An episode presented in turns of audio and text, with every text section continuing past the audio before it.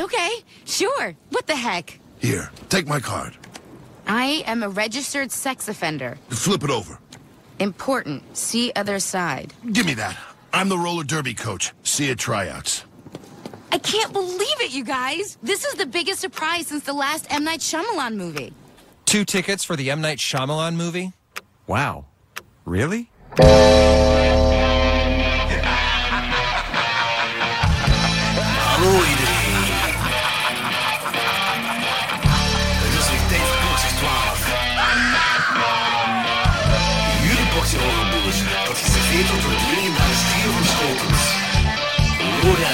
Lorenz, Wat? Ik kan me zelfs niet een beetje herinneren. Danny Ja, fuck die, fuck die mensen. en Jordi. Haha, yes! Bier drinken! Woo!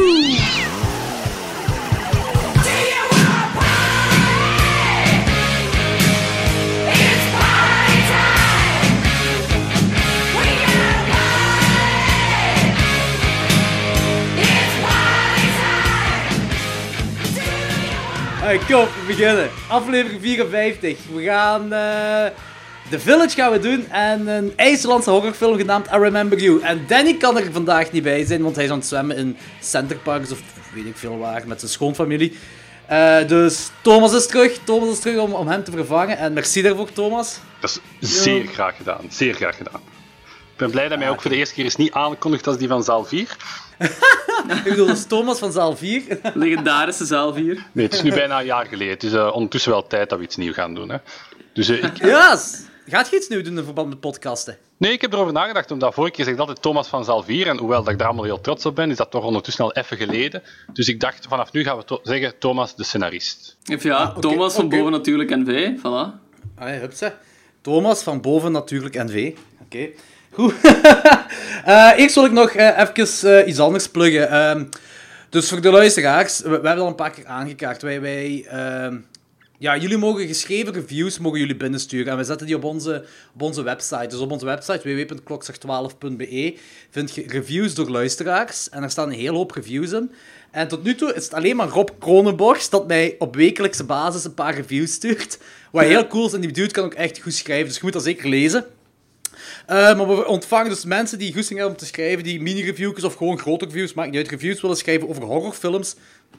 Schrijf het en spreek me aan op Facebook hoe dat te werk gaat en dan laat ik u alles weten hoe dat op de site kan terechtkomen. Eh, en dat is natuurlijk heel tof. En eh, voor degene die Rob Kronenborgs zijn reviews nog niet gelezen heeft, check die, want die dude kan echt heel goed schrijven. Ze zijn heel cool en zijn heel obscure films vaak. Het valt mij ook op, Eh. heren, dat jullie nu op eh Letterboxd reviews schrijven van de films die je ziet. Alle twee. Dus eh, Ja, je, spoilt eigenlijk je eigen podcast al nu tegenwoordig. Ja, dat is inderdaad wel waar. Daar heb ik ook al bij nagedacht. Maar Ja. ik denk gewoon, als ik moet wachten totdat, ik die, eh, totdat we de dingen hebben opgenomen, dan, dan ben ik het vergeten of zo misschien. Ik weet niet. Misschien moet ik het in de toekomst toch wel even eerder voor mijn eigen houden, voor ik het erop zet. Ik heb er ook al aan gedacht. Bij mij zijn dat meestal gewoon zo de snelle eerste gedachten die ik heb nadat ik de film zie. Ja, het is fun, Ja. daar niet van. Het is fun, hè. Ja, bij mij meestal... Je je wordt meestal ook niet slimmer door mijn reviews op Letterboxd. Nee, dat is, dat is ook niet echt mijn bedoeling. Daarvoor is het wachten op Danny, want die heeft nu ook Letterboxd, heb ik gezien. Ja, Ja, inderdaad, inderdaad, inderdaad. inderdaad, inderdaad. Maar hij heeft nog maar één review geschreven en dat was gewoon om Hellbaby te bashen. Dus daarvoor heeft hij volgens een mij review van Hell speciaal Baby letterbox aangemaakt. Ik denk dat het enkel is aangemaakt voor The Wicker Man te kunnen binnenkort afbreken. Dat gaat de langste review ooit worden. Oh, daar ben ik zo psyched voor. Man, dat zou zo'n bummer zijn als de luisteraars stemmen om de Wickerman remake niet te doen. Ja, nu is Danny er niet. Guys, stem voor dat wel te doen. Dat gaat kei grappig zijn. Ik denk ook wel dat het heel grappig gaat zijn. Eh, Oké, we gaan eerst met, met het gewone beginnen. We gaan een trekkerronde doen. En we beginnen met Thomas. Thomas, welke horrorfilms heb jij nog gezien de laatste tijd? Eh, ik heb Quarantine gezien. Dat is de Amerikaanse reboot Oh. van Rek. Ah, yes. Omdat ik, ja, Ja? na de Rek-quadrilogie van vorige keer ben ik nu daar ook eens aan begonnen. Eh, de eerste is eigenlijk echt gewoon letterlijk de reboot, remake van eh Rek. Maar dan Ja. Minder. Ik denk ook meer omdat je al exact weet wat er gaat gebeuren constant. Eh, en het is ook Ja. allemaal iets... Ik weet niet, hebben jullie die gezien? Ik heb die gezien in de Kinepolis zelfs nog op eh, Halloween Movie Night. En had je Rek al gezien toen? Of? Toen had ik Rek nog niet gezien. Ehm, en ik vond Quarantine op zich eigenlijk wel heel plezant. Ja, maar ik denk Maar- dat de volgorde heel, heel belangrijk is. Ik denk dat ook wel, ja. Eh Rek heeft zo wat meer hard en Quarantine gemerkt dat... Ah, dat is ja, voor Amerikaans natuurlijk. Hè. Ja, ik vond ook de hoofdactrice niet... Allee, ik, ik vond die echt heel sterk in rek, die Spaanse. Maar hier vond ik, ja, ik weet het niet. Ook omdat ik misschien vergeleken met de anderen, dat ik het altijd zo wat afkooksel vond. Je gaat dat automatisch wel vergelijken. Ook. Ja. Heb jij die gezien, Rudy? Nee, ik heb alleen eh, de eerste drie Rek-films gezien. De vierde staat nog altijd op mijn watchlist. En Quarantine heb ik... Ja, ik weet, toen hem uitkwam, zei iedereen... Van... Ah, werd er gezegd dat die... eh, ja, eigenlijk een zwakkere versie van Rek was. Dus ik heb nooit echt interesse gehad om Quarantine te zien. Ja. Nee, dat is wat. En dan heb ik op jullie aanraden Sleepaway Camp gezien. Die had ik ook nog nooit gezien. Aha, Ah, yes. en? Ja, ik vond echt... Die film wint twee punten het laatste kwartier of zo, hè, of de laatste vijf minuten. Snap ik, snap Ja. ik. Want zo na alle Friday the is echt 13th... absurd gewoon, hè. Ja, na alle Friday the 13th en The Burning... eh the Burn... Ja, je hebt het gevoel, ik heb het allemaal een paar keer gezien, maar op het einde vinden is dat ook Waarschijnlijk. niet. Ja, ja. En dan eh, heb ik ook The Cargo gezien, maar die heb jij ook gezien, hè Jordi? Of? ja, ja, inderdaad. Die vond ik echt heel leuk. Ja. Ah, dat is die nieuwe op Netflix zeker, hè? Ja, die zombieflik. Ja. Nog alleen maar goede dingen van gehoord, eigenlijk.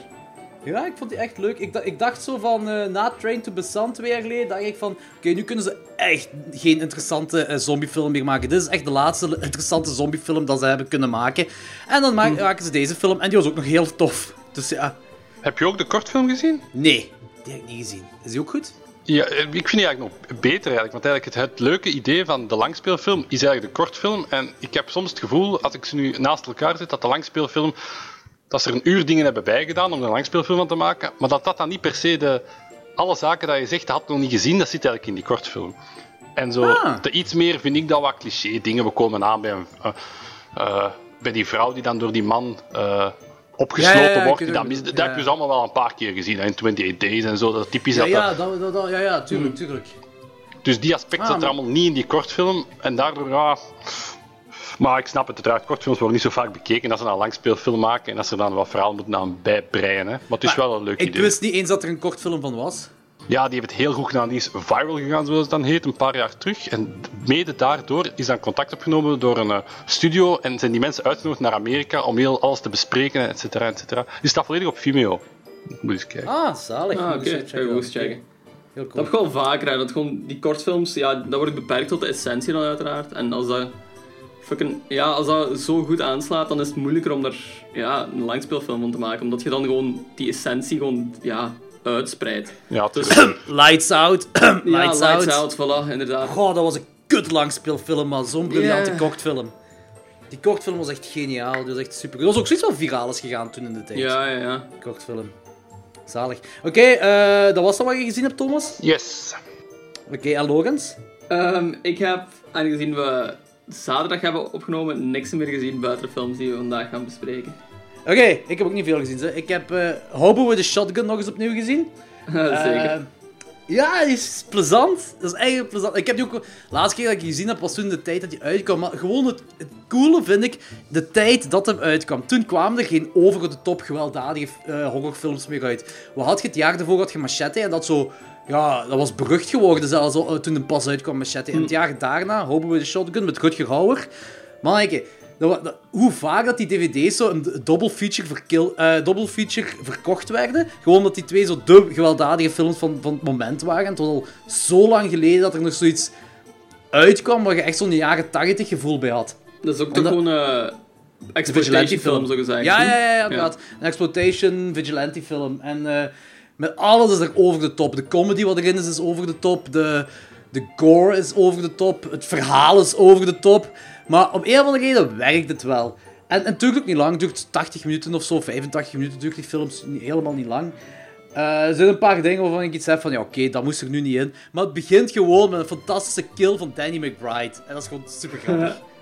Eh, dat hij zo zijn hoofd in een, een, een, riooldeksel heeft vastzitten. En, en ja. Ik heb, Eh, ja, dan ik heb onthoofd nooit wordt. gezien a Shotgun. ja, is super grappig, is super leuk. Wat heb ik dan nog gezien? Het is geen horror. Het is randje exploitation door, de door een horrorregisseur. En dat is de remake van Dead Wish. Ah ja, oké. Daar ben ik heel dus, benieuwd ja. naar nog altijd eigenlijk. Ja, ik vond die fantastisch. Het is... eh basically komt het neer op een vigilante film met een snuifke hostel. Ik vind het echt een must-see. Ik, ik dacht dat de film compleet zou floppen, omdat één, het is een remake van een, van een cultklassieker, van een exploitation film. En twee, het is gemaakt door Eli Roth. Er zijn niet twee dingen waardoor eh, de mensen gaan zeggen woehoe. Maar Ja. de film, en als je de critics gaat bekijken, ze worden op twee, de film wordt op twee dingen bekritiseerd. Eén, omdat dat gewelddadig is en ze vinden het in deze tijd niet nodig met, met, eh, met die eh, shootings overal en met die bla bla Ja. bla. Al die Dat had een heel slechte timing met die release ook toen. Hè? Dat was echt De de, week van is die wel shooting. hè. gewaagd, hè. Ja, maar hoe de fuck cares? Een goede film is een goede film. Zo, wat hier buiten gebeurt, dat maakt niet uit. Dat betekent dat ze nu ook geen nieuwe GTA zouden mogen, mogen uitbrengen of zo. Dat is zo... Dat is de rotste critic reviews dat ik kan lezen, zijn zo van... Ja, het is gewoon in deze tijd zo dat niet mogen, zo'n film. Dan denk ik van, hé, hey, oh... Dat heeft er nu niet veel mee te mogen maken. Is, dat is een beetje eh, fucked up. Ay, niet mogen is altijd bullshit. Maar ik snap Dat wel, ay, die timing is absurd gewoon. Ehm, Ja, maar daarvoor en gaat je Dat een- maakt het heel film toch boeiend niet ook wel, zo, daar niks van. Maar ik daar gaat dat- je film toch niet voor bekritiseren? Nee, voilà, inderdaad. Ehm, ik, ik vind wel dat aangehaald mag worden dat die timing gewoon absurd is. Maar dat moet je een beetje los zien van de film, eh, vind ik. In dit Ja. geval toch wel. Ik ben geen grote Eli Roth fan. Maar ik heb ook zoiets van, ja, je kunt niet echt haten op die film, omdat er ja, shit gebeurt van buitenaf. Maar En dat is het leuk- verschillende het- keren nog gebeurd. Maar ik kan even geen voorbeeld denken. Ja, Eh, bijvoorbeeld een, een, een, eh, een, een, hoe moet ik het zeggen, een, een WTC-film uitbrengen eh, een week na, na de, de WTC-dingen gebeurd zijn. Ja, dat zou indrukwekkend zijn. Ja, het zou, zou, zou ook slecht getimed zijn, maar daarom moet de film op zich niet afgekraakt worden. Moest dat zo nu gebeuren, vind ik dan. Maar ehm, het, de andere critic, eh, dingen van critics dat ik lees, dan is gewoon van, van dezelfde zever als er een remake uitkomt. Ja, het is een remake, het origineel is beter. En bla die zever. Qua timing was dat ook niet met toen met Drowning Pool, met hun nummer Bodies, dat dat ook ging uitkomen in het moment met 9-11. En dat ze dat dan ook hebben uitgesteld omdat dat iets te letterlijk was toen. Ah, is dat? ik dacht dat... Ah, dat kan Ja, wel. dat kan ja. wel, dat kan dat wel. is die hè. periode wel zo, Ja. Dat kan wel. Zo. Ja, producers kijken wel naar van die dingen, hoor. Voor marketinggericht. ja. En dat is ook wel logisch, vind ik. Ja, natuurlijk. Het moet geld opbrengen. Daar komt op neer, hè. Uiteindelijk moet Ja, het geld opbrengen. En dat vind ik het zot aan deze film. Het is nog altijd een Hollywood-film. Maar daar hebben ze, de makers van die film hebben daar geen fuck mee van aangetrokken. Want de kills zijn overgewelddadig, zijn super gewelddadig en heel brutaal. Super brutaal. Het zijn dingen wat je niet in een Hollywood-film ziet. Dat is gedetailleerd brutaal, zo bedoel ik het. Dat is Ja, echt zot. ja. Als je een nek ziet breken, voelt je je eigen nek breken. Dat is echt heel chic gedaan. Er zijn kills van personages waarvan ik dacht van... Oh, they went that way. Wat ik heel cool vind. Ehm, het zotte vind ik, die krijgt een critic score op Rotten Tomatoes van 17% en een audience score van 78%. Wat een heel groot gat is. Dat is inderdaad wel een heel groot gat, ja. Maar het is geen Dat is letterlijke superzot. remake, hè, of wel? Is het echt letterlijk hetzelfde? Ja, het is, het is, je, je merkt het wel. Het is, het, is, het is de Charles Bronson film, maar niet met Charles Bronson. En eh, ja, het is ook geen...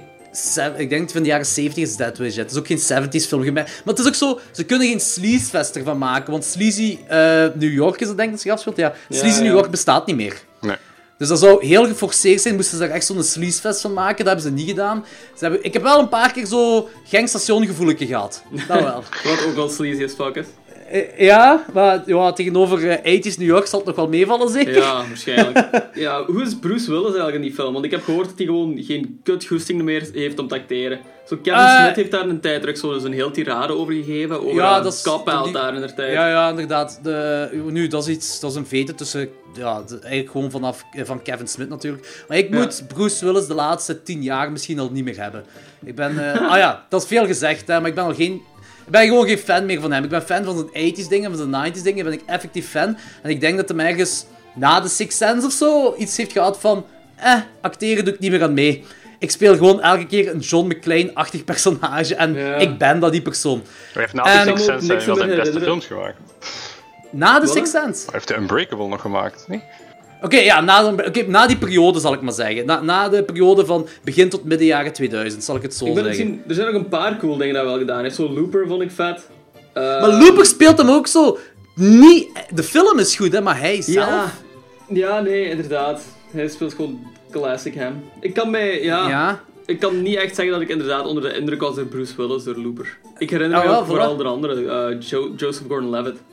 En eh, bij Bruce Willis is het wel zo... Op zich, ik ben nooit echt fan van hem in de latere films dat hij gemaakt heeft. Maar elke keer als ik Bruce Willis zie verschijnen op een nieuwe film, ben ik wel psyched om een of andere reden. Maar misschien is het ook meer nostalgisch met... Gelijk dat ons eens- Die Hard of zo, denk ik. Ja, inderdaad, misschien daar. Of zo. Die robotfilm, eh, of met die eh, Artificial Intelligence, ik weet niet meer hoe die film is. Surrogates, denk ik dat die film noemt. Ah ja. Daar speelt hij ook gewoon een John Klein personage in. En toch heb ik zoiets van, eh, ça va wel. ja Why not? Die, die heeft iets heel charismatisch over zich, denk ik. Ja, inderdaad. Ik denk ook effectief dat hij niet geacteerd heeft in Death Wish. Maar het werkt wel zo. langs ene kant. Ja, het is geen slechte... afgelezen. Nee, nee, het is geen... Ja, oh ja, of ja, zoiets. Maar het is geen slecht acteur, want... Allee, het klopt wel met zijn ding, met zijn eh, personage of whatever. Dat hij, zich, of hij blendt zichzelf in als een John McClane, dat overal een John McClane, een soort van John McClane kan spelen. Ja. Dat wel, maar als wat. In ieder geval, komt het neer, ik heb me geamuseerd bij die film. En de- ik kan nu niet zeggen dat dat de perfecte film ooit is, maar als je een gewelddadige film wilt zien dat zich in 2018 afspeelt, of 2017 afspeelt, of whatever, kijk, die film die is fantastisch, die is leuk. Die is, die is... Zelfs Anthony en, en eh, Christian vonden die te gek. En Ja, dat is een ja. super grote fan, eh, die is een super grote fan van de originele. Ja, en Christian is ook een... eh, die haat ook remakes, dus... Ja, inderdaad. Ah, meestal toch. Denk, Maniac vindt hem tof, de remake. En, en deze. Dat zijn de enige Evil twee... Ah ja, Evil Dead, inderdaad. Dat zijn de Ja. enige drie waar die, waarbij ik die met veel lof hoor praten. Eh bon, dan eh zullen we de... Ah. Maar ah, ik wou over gaan maken. Speaking of rape revenge. Ah, Ja, mooi bruggetje, mooi bruggetje, mooi bruggetje. Nice. Ja, de word is out. Eh, 16 juni eh, hebben we een eh verkrachtingavondje in de Koersel. Een rape revenge avondje. Oh, Dus, man. eh Revenge, de nieuwe Revenge, dat een halve Belgische productie is, als ik eh, goed ben. Thomas, klopt dat? Frans, denk ik, niet? Ik dacht in. Frankrijk, maar met half Belgisch toch niet? Ja, ik ben niet zeker. Ik, ik wil het niet zeggen. Misschien is er een deel in, ja. Het zou, het zou kunnen. Kevin Jansen is Belgisch. Ja. Ik denk dat de grootste link is eigenlijk met België, eerlijk. Ja, kan wel, ja, kan wel. Maar het zal wel vooral grotendeels Frans zijn, ja, inderdaad. Ja. Zwat Revenge, wat in Amerika denk ik ook een paar keer een cinema release heeft gehad, maar in ieder geval al even op VOD uit is in Amerika. En hier in België zou hem, denk ik, één dag in het UGC of twee dagen in het UGC gedraaid hebben. Ja, En that's it dan. ja Wat het is krijgt weer al momenteel- schandalig is. krijgt momenteel 91% op Rotten Tomatoes. Ja, dat is wel zot. Dat is wel zot, ja. Dus ik ben blij dat we die film kunnen doen op 16 juni in Koersel. En daar hebben we dan I Spit on Your Grave aan gelinkt. Wat, eh... Ja. de uncut versie. Om het nog toffer te maken. The Day of Ja. the Woman. Day of the Woman. oh manneke, dat gaat... eh, Ik ben Dus- benieuwd of de sfeer even goed gaat zijn als bij Dawn of the Dead en Night of the Living Dead. Want Ik dat vind was een het- goede sfeer toen. Opvallend dat we al best zo wat commentaar erop gehad hebben van oeh, I spit on your grave, dat is best fel. Van, ja, it kinda is. Ah, het is niet voor tegen zieltjes. Nee, inderdaad. Maar allemaal afkomen sowieso, want het is, het het is de klassieker en de hedendaagse klassieker. Ik, Ja. vind de, ik vind de vergelijking... allee, het, het zijn twee films die hetzelfde thema... Ik heb Revenge gezien, die, op- die al gespeeld. En eh, Ja. het verschil tussen de twee is wel heel leuk. Revenge is door een vrouwelijke, een vrouwelijke regisseuse geschreven en gemaakt. Wat dus wel raar is binnen dat genre, zou je enerzijds denken. En het contrast dan tussen enerzijds het feit dat die... Ja, wat is het daartussen? 50 jaar? 40 jaar? En dan ja. de meer mannelijke insteek, de meer vrouwelijke... Allee, ik vind het contrast is echt heel groot. En- En heel goed, vind ik. Ik vind Revenge Ja, echt een heel ben- goede film. Ik ben heel benieuwd wel, ja. Ah, dat is wel cool, want eh, de week erna gaan wij ook een bespreking doen van die twee films. ja. Ah ja, en trouwens, Ja. eh, we hadden gezegd dat Muil er misschien bij zou zijn, maar Ludo heeft voorgesteld om Muil eh, einde van de zomer te doen, want, dat kan ik nu ook al zeggen, allee, ja, het is ook nog niet 100% bevestigd, maar de kans is heel groot dat we een cultavond in een drive-in gaan mogen doen. Eh, en daar gaat dan hoogstwaarschijnlijk Muil bij komen. Eind, eh, ergens eind augustus of begin september Ja. gaat dat gebeuren. Ja, Muil van Jasper Franke die we vorige week in de podcast hadden. Even voor de duidelijkheid. Twee weken geleden. Twee weken geleden, twee weken Ja. geleden, klopt. Ja, Ja, inderdaad. Ja eh, van de Revenge gewoon. Ik zie ook dat dat... eh, ja, die is dus geregisseerd en geschreven door Coralie Far Fargea, of Fargea, of Fargeet, of wat. Ah, goed, we zijn met de Franse naam al moeilijk aan het hebben. Straks gaan IJslandse namen komen. Maar ik wil ook wel zeggen, van, dat is die regiedebuut blijkbaar. eh Oh. Wat heel indrukwekkend is. Ja, is Ik ben echt psyched voor die te zien wel. Ah, ik De ook, trailer ik ook. zag er fucking awesome uit. Ik weet dat jij geen trailers kijkt, Jordi, maar... Ja. de, de screenshot van Kevin Janssens vol met bloed zag er awesome uit. Voilà. en eh, Joey Potter heeft trouwens een nieuwe poster ervoor gemaakt die keihard is. Dus ehm, check die poster ook gewoon en geef Joey een like of zo. Ja, ik ben, en, en volg hem op Instagram. Joey Potarjo, je, je schrijft het als Potargent. Like die op Instagram en eh, op Facebook en whatever, want die dude die maakt de meest fantastische dingen. Die, hij heeft ook de poster gemaakt van Night of the Living Dead en Dawn of the Dead. Ik vind het zot. Hij heeft echt super hard op een heel korte tijd gewerkt om zo snel mogelijk deze poster af te krijgen. En hij zegt tegen mij op laatst, ja, ik ben maar 70% content. Ik wou er nog meer aan doen ik, en, en ik wou nog dit en dat doen. Eh, maar ik had te weinig tijd en hij stuurt die door en ik zo... Dude, ik Ja. ben 700% content. Dit is abnormaal. awesome. Ik vond die van Night of Living Dead en Dawn of the Dead al mega zot, maar deze is zelfs nog een pakje zotter. Dat is echt... Die dude, dat is professioneel niveau maal 100 gewoon. Dat is niet normaal wat die dude doet. Echt super cool. Ja, nog eens merci Joey, echt te gek. Ja, eh, dan gaan we nu, eh, ik denk, into the future films gaan voor vandaag. Ik ga even, voor de mensen die zowel The Village als het IJslandse I Remember You hebben gezien, de link is moeilijk te vinden. Ja, ik, Maar- vond, ik had zoiets kleuren. Is dat een link? Nee. Oké, ja. komt erop neer. eh, I Remember You heeft een kleine bus gehad in de States. En die is sinds een paar weken terug op eh, Amazon UK te koop. En ik had dan gekeken naar eh, de synopsis op IMDb. En er stond iets in van... eh, mensen gaan naar een afgelegen dorpje. En het dorpje heeft een, een, een verleden, of een, een luguber verleden, of iets van een verleden. En ik zei, ah, wacht, afge- afgelegen dorpje met een verleden. Dat doet me denken aan The Village. En daarmee dat ik die link heb gelegd. Maar die synopsis op IMDb is niet echt 100% als ik de film heb gezien. Mm, ja, oké. Ehm, ja, nee, inderdaad. Dus ik vond de link ook vrij ver zoeken. Ik was, ja, ik was ook de hele tijd aan het nadenken. Ik vond kleuren, dat zou ik er misschien in terugkomen, dat zo... Ai, in I Remember You is het groen, dat zo'n prominente aanwezigheid heeft. En The Village Ja, ja, ja. rood en geel. De, het heeft gewoon met, met dorpen te maken. Toen ik die dingen las, de, de IMDb-synopsis, ik zei van, ah ja, dat zou eens met de Village gelinkt kunnen worden. Ja. Eh, maar dus, niet. We zullen, weet je, we zullen to the Village gaan, want daar heb ik heel veel over te vertellen. Daar, ja. Ja, oké, dat is goed. Nee, ik ben benieuwd. Ik ben ook vooral benieuwd naar Thomas' zijn mening hierover, want Thomas Ah. is een grote fan van The Village, zeker? Ja, ik ben sowieso al een grote fan van eh Shyamalan. Van wie eigenlijk iedereen Ja, de naam fout uitspreekt. En ik denk ook heel veel mensen die expres fout uitspreken. Want zo moeilijk is M. die Night. niet. Ik noem, ik noem gewoon M. Night. Ik noem die gewoon M. Night Shyamalama. Dat is gelijk het moet. Ja, nee. Wat? Nee, jawel? Nee, het is Shyamalan. Of Shyamalan. Eigenlijk, de Y moet je dan nog eigenlijk heel eh, niet uitspreken. Dus Shyamalan is het eigenlijk. En eigenlijk heel veel mensen... Zit er een Y in die naam? Ik heb een J geschreven in mijn notities. S-H-Y-A-M-A-L-A-N is het eigenlijk. Eh, A-N? Oh, ah, ik heb een A van achter. Oké. Oké, Really? Shyamalan. Heb je echt Shyamalan Ik, opgeschreven? kijk, hè, ik heb M. Night S-H-J-A-M-A-L-A-M-A. Ik denk, Dat- er zijn veel manieren dat mensen die naam al fout hebben geschreven. Ik denk dat dit de eerste is. Dat, de eerste keer is dat het zo is geschreven geweest. Oké, dus, dus Fair Shama- enough. Shyamalan. Shyamalan. Ja, perfect. Jordi is slecht met namen, dat weten we. Let's Ja, de wacht wat op in IJsland komen.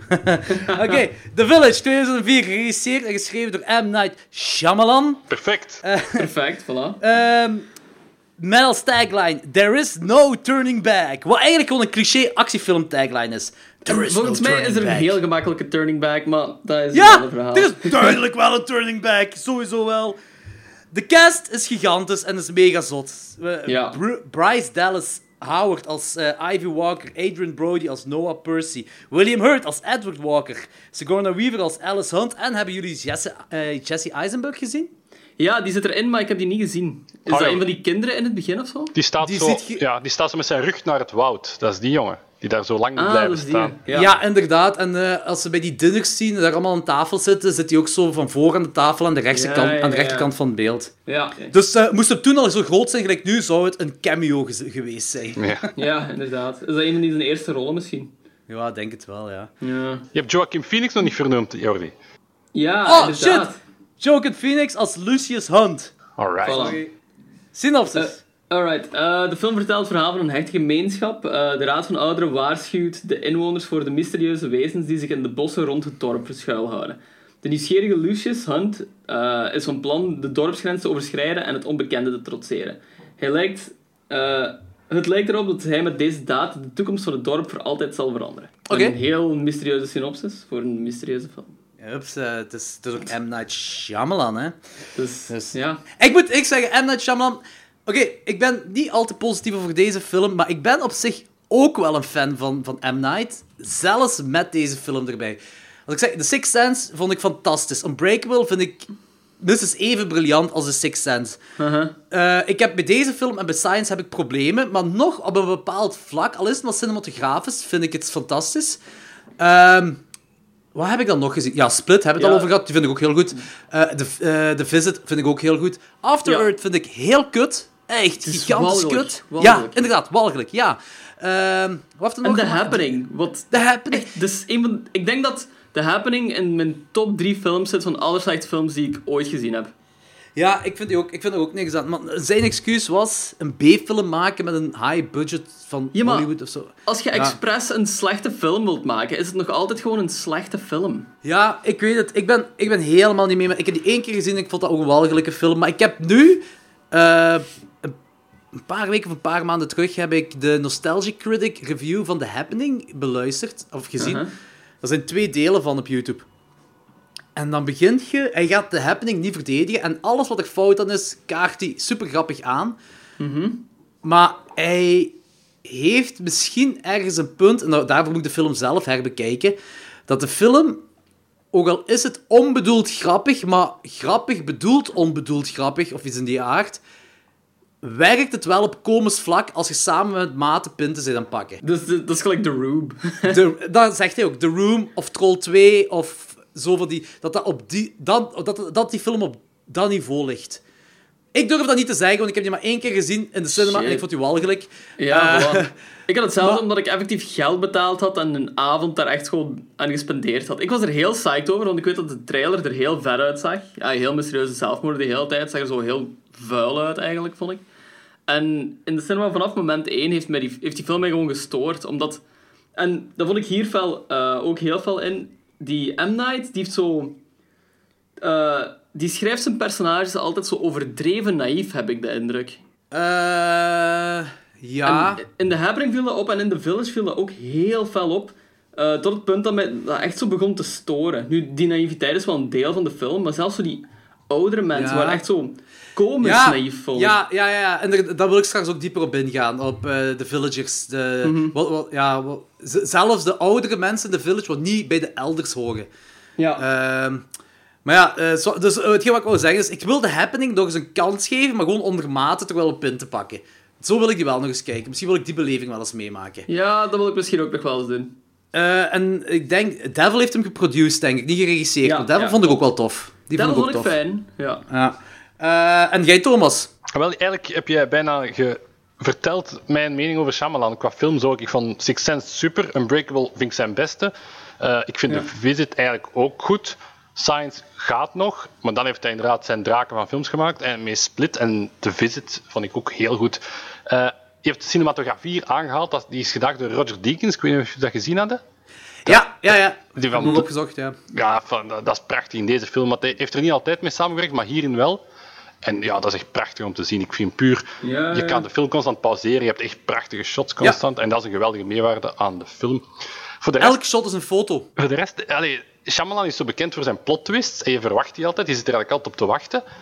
Maar ik vraag me bij deze nog meer dan bij de andere af. Zou hij eerst het verhaal hebben gehad? Of eerst de plot twist? En, en wat zou hij eerst geschreven hebben?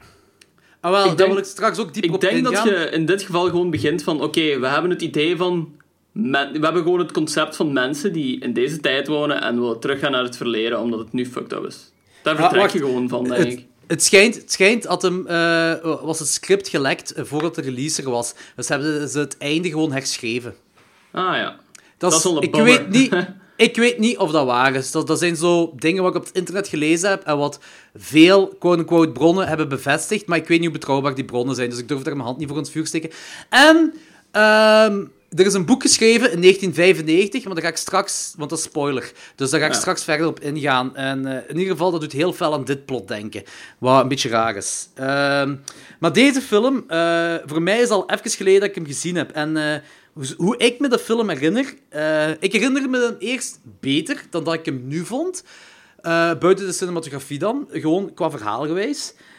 Ik was... ai, Goh. Ik herinner me dat ik niet blown away was van het verhaal en van de cinematografie wel blown away was. En dat is nu weer zo geweest. Alleen vond ik Ja. het verhaal nog minder dan, dan dat ik me herinnerde.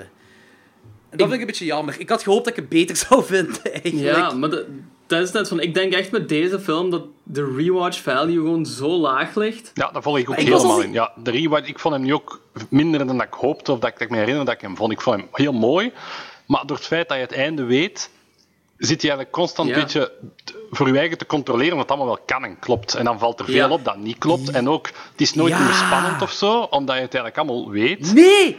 Inderdaad. Dat is, Ja, nog een. Dat is ook een Ik punt dat ik ook aanhalen. Er was niks, was angstig. Er was wel één goede jumpscare wanneer Joker Phoenix daar in die wachttoren zit en hij kijkt naar onder en zo'n creature, of the one we don't speak of, of zoiets, whatever, die, die, die wandelt daar casual eh, onder hem door. Dat is een fucking goede jumpscare. Dat wel. Het is net gelijk in Science, wanneer die alien daar casual door, eh, op tv zo Ja. voorbij wandelt. Om een of andere reden kan Shyamalan... Shyamalan... kan eh, om een of andere ja. reden wel heel goed jumpscares in beeld brengen. Dat wel. Ja, op zo'n heel nonchalante manier. Dat vind ik ook wel. Ja, en dat, voor mij werkt dat in ieder geval. Maar gelijk die, die, die scène dan, dat, eh, wat erna volgt, wanneer die creature dan, dan eh, de village inwandelt en dat, dat veel slow motion is gedaan. Ik vond hem op zich niet spannend, die scène. En ik weet niet of dat spannend bedoeld was, maar ik vond dat een vrij emotionele scène. En bij mij draaide dat zo meer emotioneel uit, omdat die blinde de hele tijd achter eh Joker Phoenix aan het roepen was. En, en alles gebeurt in slow motion. En dan komt hij binnen en dan, dan hebben ze hand in hand, lopen ze weg. Ik zo, er is niks angstig gebeurd op dat vlak. En dat kan inderdaad, gelijk Thomas zegt, misschien wel zijn omdat je het einde weet. Ja, want je stakes zijn zodanig laag dan eens. Maar dan moet je ook zo ja, denken van... Is dat bij elke film die zo'n grote twist heeft op het einde? En, Bij Six ja, Sense heb ik dat niet. Bij, bij, voilà, bij Six Sense bijvoorbeeld heb ik dat totaal niet. Bij zo andere films met zo'n bekende twist, gelijk Usual Suspects of zo bijvoorbeeld, of Oldboy, wat echt insane twists hebben. Die Ja. films kan ik nog altijd wel opnieuw zien, omdat de rest van die film ook gewoon ja, een verhaal is op zijn eigen. En hier leunt alles zo fel naar die twist toe, dat het gewoon een beetje... Ja, dat die stakes gewoon compleet verdwijnen eigenlijk. En ik vind de personages ook net niet boeiend, boeiend genoeg om gewoon mijn aandacht te houden als je, als je het einde al weet. Eh, maar in verband met die personages wat je zet- zegt, daar geef ik je ook gelijk in. Eh, bij mij was het probleem... Ah, sorry, zeg maar. Nee, nee, ik, eh, we gaan zelfs terug op, op die twist komen. Nee, nee, nee, is goed. Ja, hetgeen wat ik nog wil zeggen is, bij mij ook... Hetgeen wat ik ook vond, er zijn te veel verhaallijnen gestopt in een te korte film. En dat is een film die 1 uur en 50 minuten duurt, wat op zich al een lange film is. Maar ik heb zoiets van, ik ben een period piece horrordrama aan het maken. Dat is sowieso een slow burn, hoe je dat keer of draait, dat gaat een slow burn worden. En al, dat, dat is een film wat al een uur en drie kwartier tot twee uur zou duren. Gewoon period piece horrordrama. Als je dat zegt, zou een uur en drie kwartier tot twee uur duren als je één verhaallijn hebt. Hier zijn er... We hebben een liefdesverhaal, je hebt een monsterverhaal, je hebt de background van de elders, je hebt het Noah-personage, enzovoort. Er zijn zoveel dingen. Wel, als je dat allemaal in één film wilt stoppen, laat die film dan gerust een half uur langer duren. Dat je kunt meeleven met die personages. Want er zijn zoveel dingen dat met verschillende personages gebeuren en ik heb er geen voeling voor. Hij start veel Ja. op, maar hij maakt het dan niet af. En vanaf dat meisje vertrekt eigenlijk, ja, is het eigenlijk al de rest gedaan, vind, vond ik. Ja. Ja. Het komt er eigenlijk helemaal niet meer op terug. Op het einde wordt dan zo snel afgerond. Een beetje om de climax, puur om de climax groter te maken. Tuurlijk, maar voor de tuurlijk, rest, tuurlijk. die karakters zijn allemaal weg eigenlijk. Ik Ja, vind het ook een- inderdaad. Een heel slechte keuze om eigenlijk... Dat is ook een spoiler, hè. Een grote Ja. spoiler zelfs. Ja, dat ga ook gewoon een uitpiepen. Dat ga ik ook Ja, gewoon uitpiepen. Zo, Ja. Wacht, eh, vooraleer, vooraleer we in de spoilers gaan, ik wil wel eens zeggen, het is effectief gelijk wel eerder aankaart, het is een heel mooie film. Zowel qua kleurgebruik als kadrages. Eh, Dat is waar. elk shot is een, is een foto. Dat is echt, dat is ongelooflijk, daar is zo veel over nagedacht. En dat vind ik heel chic. En blijkbaar, eh, M. Night, die speelt ook heel graag met kleuren. In, in elk van zijn films zijn kleuren prominent. En, en hier is dat dan rood en geel dat opvallen. Rood trekt, trekt die creatures aan en geel, ja, dat houdt ze weg, of zoiets was toch, hè? Dat beschermt ja. de mens toch zo geel. Maar dat is Dat blijkbaar... de good color en de bad color, zo gezegd. Ja. Ja, maar dat is psychologisch aan te maken, want rood is obvious de bad color. Maar Mhm. normaal zou groen de good color zijn, maar geel werkt eh, blijkbaar... eh, dat kalmeert op psychologisch vlak. En daar weet ze voor geel hebben gekozen. Dat dat, Ah, ja. Ja. dat zou beter werken dan blijkbaar. En ik vind dat wel leuk, ik vind dat goed gedaan. Ik vind dat ook heel tof. Ja. zalig. Maar zijn rood en geel, zijn dat ook zo niet complementaire kleuren? Nee, want die mengen toch. Eh, Nou, ik zou dat eigenlijk moeten weten, maar whatever. Ja, ik ook. Ik heb kleurleer gehad. maar- Ja, voilà. Ik ook. Ik moet zeggen nog over de, de acteurs. Ik vind ten eerste Bryce Dallas Howard. Ik heb echt de film op pauze moeten zetten om op te zoeken dat dat niet Jessica Chastain was. Ik vond dat hij daar zo hard op leek. Hadden jullie dat ook? Of was je? Nee, dat had ik niet. Het blinde meisje. Ik vond dat hij zo hard leek Ja. op Jessica Ah. Chastain. Ja, Trouwens, ja, inderdaad. het blinde Nee, meisje, het blinde meisje en, en dus, dus eh, Bryce Dallas Howard en de zus ervan. In welke film spelen ze nog zussen? Stilte. Jurassic. World. Ja, nee. Ah, ja, ah, ja Ah inderdaad. ja, god. Dat zijn ook de twee zussen in Jurassic World. Holy shit, die lijken inderdaad al belachelijk op elkaar. Ik heb ze nu eens gegoogeld net van, ja, En van Sigourney Ah. Weaver, die had eigenlijk, vond ik, geen fuck te doen in heel die film. die heeft niks gedaan, heel die film gewoon. Nee. Ik, wat ik heel jammer vond, want ik weet ook dat ik zo de begingeneriek zag en ik dacht van, ah ja, fuck, Sigourney Weaver zit hierin, juist. En toen kwam ik erachter dat hij inderdaad gewoon niks deed. Niks. Die, die heeft drie lines of zo. Ja, en ik vond dat heel raar. Want ik dacht, toen ik Sigourney Weaver zag, dacht ik zo van, ah ja, gelijk jij ook zo, ah ja, is juist, inderdaad. Ik zei, it all makes sense, want zij is ook de elder, of nee, zij is niet de elder, maar zij is zo degene die de elders, de goden in toom houdt, in Cabin in the Woods. Dus zij, zij manipuleert daar het spel, en zij manipuleert hier het spel, zou je denken, want zij is hier een elder. Ja, ze is Maar- heel boeiend gecast, maar er, er gebeurt niks mee. gedaan. Ja. Hetgeen wat ik ook wil zeggen is, die community, hetgeen waar ze leven, eh, dat landschap, dat is fucking groot. Dat is gigantisch. En dat is heel belangrijk voor straks een spoilers, Ja. eh, dat dat gigantisch is. En eh, daar leven niet zo heel veel mensen, heb ik de indruk. De grootte van de commune in verhouding met het, met het gebied, of wat? Ja, inderdaad. Ja, ja, het is op zich maar een heel kleine commune, inderdaad. En ja, die moeten dat zo ruim mogelijk houden, natuurlijk. Hè, omdat je wilt niet dat mensen wegwanderen. Bo- Oké, ja. moet Gaan we spoilers? zijn ook. Wat dan? Gaan we de spoilers? Ja, we zullen te spoilers gaan. Ja, oké, dus je hebt die community, dat is... Allee, zo de oppervlakte is super groot, terwijl de community zelf, terwijl niet superveel mensen zijn. En eh, heel de- dus ik, ik vond het stel, iedereen die nu aan het luisteren is, die heeft ofwel de film gezien, eh, ofwel... ehm, Kent ja, ik- twist? ja, inderdaad. Want ik heb ook al van heel veel mensen gehoord dat ze de film hebben gezien eh, nadat ze de twist al weten, wisten. En Ja. dat dat voor hun de film heeft afgekraakt. Dus echt, ga de film kijken voor je nu verder luistert. Dus het komt erop neer. Dus ja, dus Wij dat een- wachten wel. ja, ja, ja, tuurlijk. Eh, dus dat is een groot wildlife park eh, van de Walker family. En Edward Walker, de, de pa van die blinde, heeft dat gestart in de, laat, in de late 70s om, an, om anderen en hun te beschermen van de outside world. Omdat de, de realiteit, boehoe, zo erg is en bla bla bla allemaal. Ja, En dat is, dat is Edward, de twist. Ja, en Edward Walker heeft de overheid betaald om daar een no-fly zone van te maken. En betaalt ook de parkrangers om ervoor te zorgen dat niemand van buitenaf kan binnendringen. Dus dat is een miljonair dat iedereen betaalt, dat niemand erover mag vliegen en dat ze nooit zouden ontdekt worden. En dat wordt letterlijk uitgelegd in de film door M. Night Shyamalan hemzelf. Ja, Dus hij inderdaad. zelf legt heel dat plot uit. En dat is... In- Dat is niet meer suspension of disbelief. Dat is ook niet meer just go with it, gelijk wij in Klokslag 12 zeggen. Dat is neem een shot heroïne en laat dat gewoon aan u voorbij gaan. Want dat is zo fucking ver gezocht. Dat, dat is, dat- als je alles probeert de realiteit om te zetten, klopt er niks van. Letterlijk niks. Ja, ik, ik vind het ook totaal absurd. Ook gewoon om het feit van als je biljonair bent. Je kunt je zo gemakkelijk afsluiten van de rest van de wereld als je biljonair bent. Ga naar, I don't know, naar Ze zeggen nog niet eens letterlijk dat hij een biljonair is. Hij is een professor in een of andere universiteit en hij heeft zo heel veel familiegeld. Nee, nee, maar je ziet toch zo dat ze de krant open doen en dat daar zoiets in staat van billionaire, something, Ja, oké. something. Dus- Ja, misschien, ja, oké. Maar hoeveel fucking geld moet je dan hebben om de overheid over te kopen dat daar een no-fly zone van is? Ja, dat is... En maandelijks alle parkrangers eh uitbetalen. Een maandelijks loon uitbetalen. Terwijl Zonder hij zelf... te hebben. Ja, inderdaad. Hij verdient zelf geen geld meer. Dus hoe, hoe, dat- en trouwens, in het echt, in de US... eh, heb je misschien wel gebieden dat heel sterk beperkt vluchtpatronen hebben, maar er zijn bijna geen enkele gebieden waarvan er een totale 100% no-fly zone is. De gebieden die dat wel zijn, zijn zo gebieden uitdrukkelijk voor de president of, of ja, zo van die nationale veiligheidsbelangen. En, en zelfs die, daar mag, mag zelfs het militair over. En eh, voor noodvluchten mogen daar ook overgemaakt worden. En als dit een zogezegde no-fly zone is, als je daar 100 meter vandaan vliegt, zie je die community toch ook nog altijd? Ja. in de lucht. In principe wel, maar ik denk no-fly zone, dat gaat wel verder dan 100 meter dan, denk ik.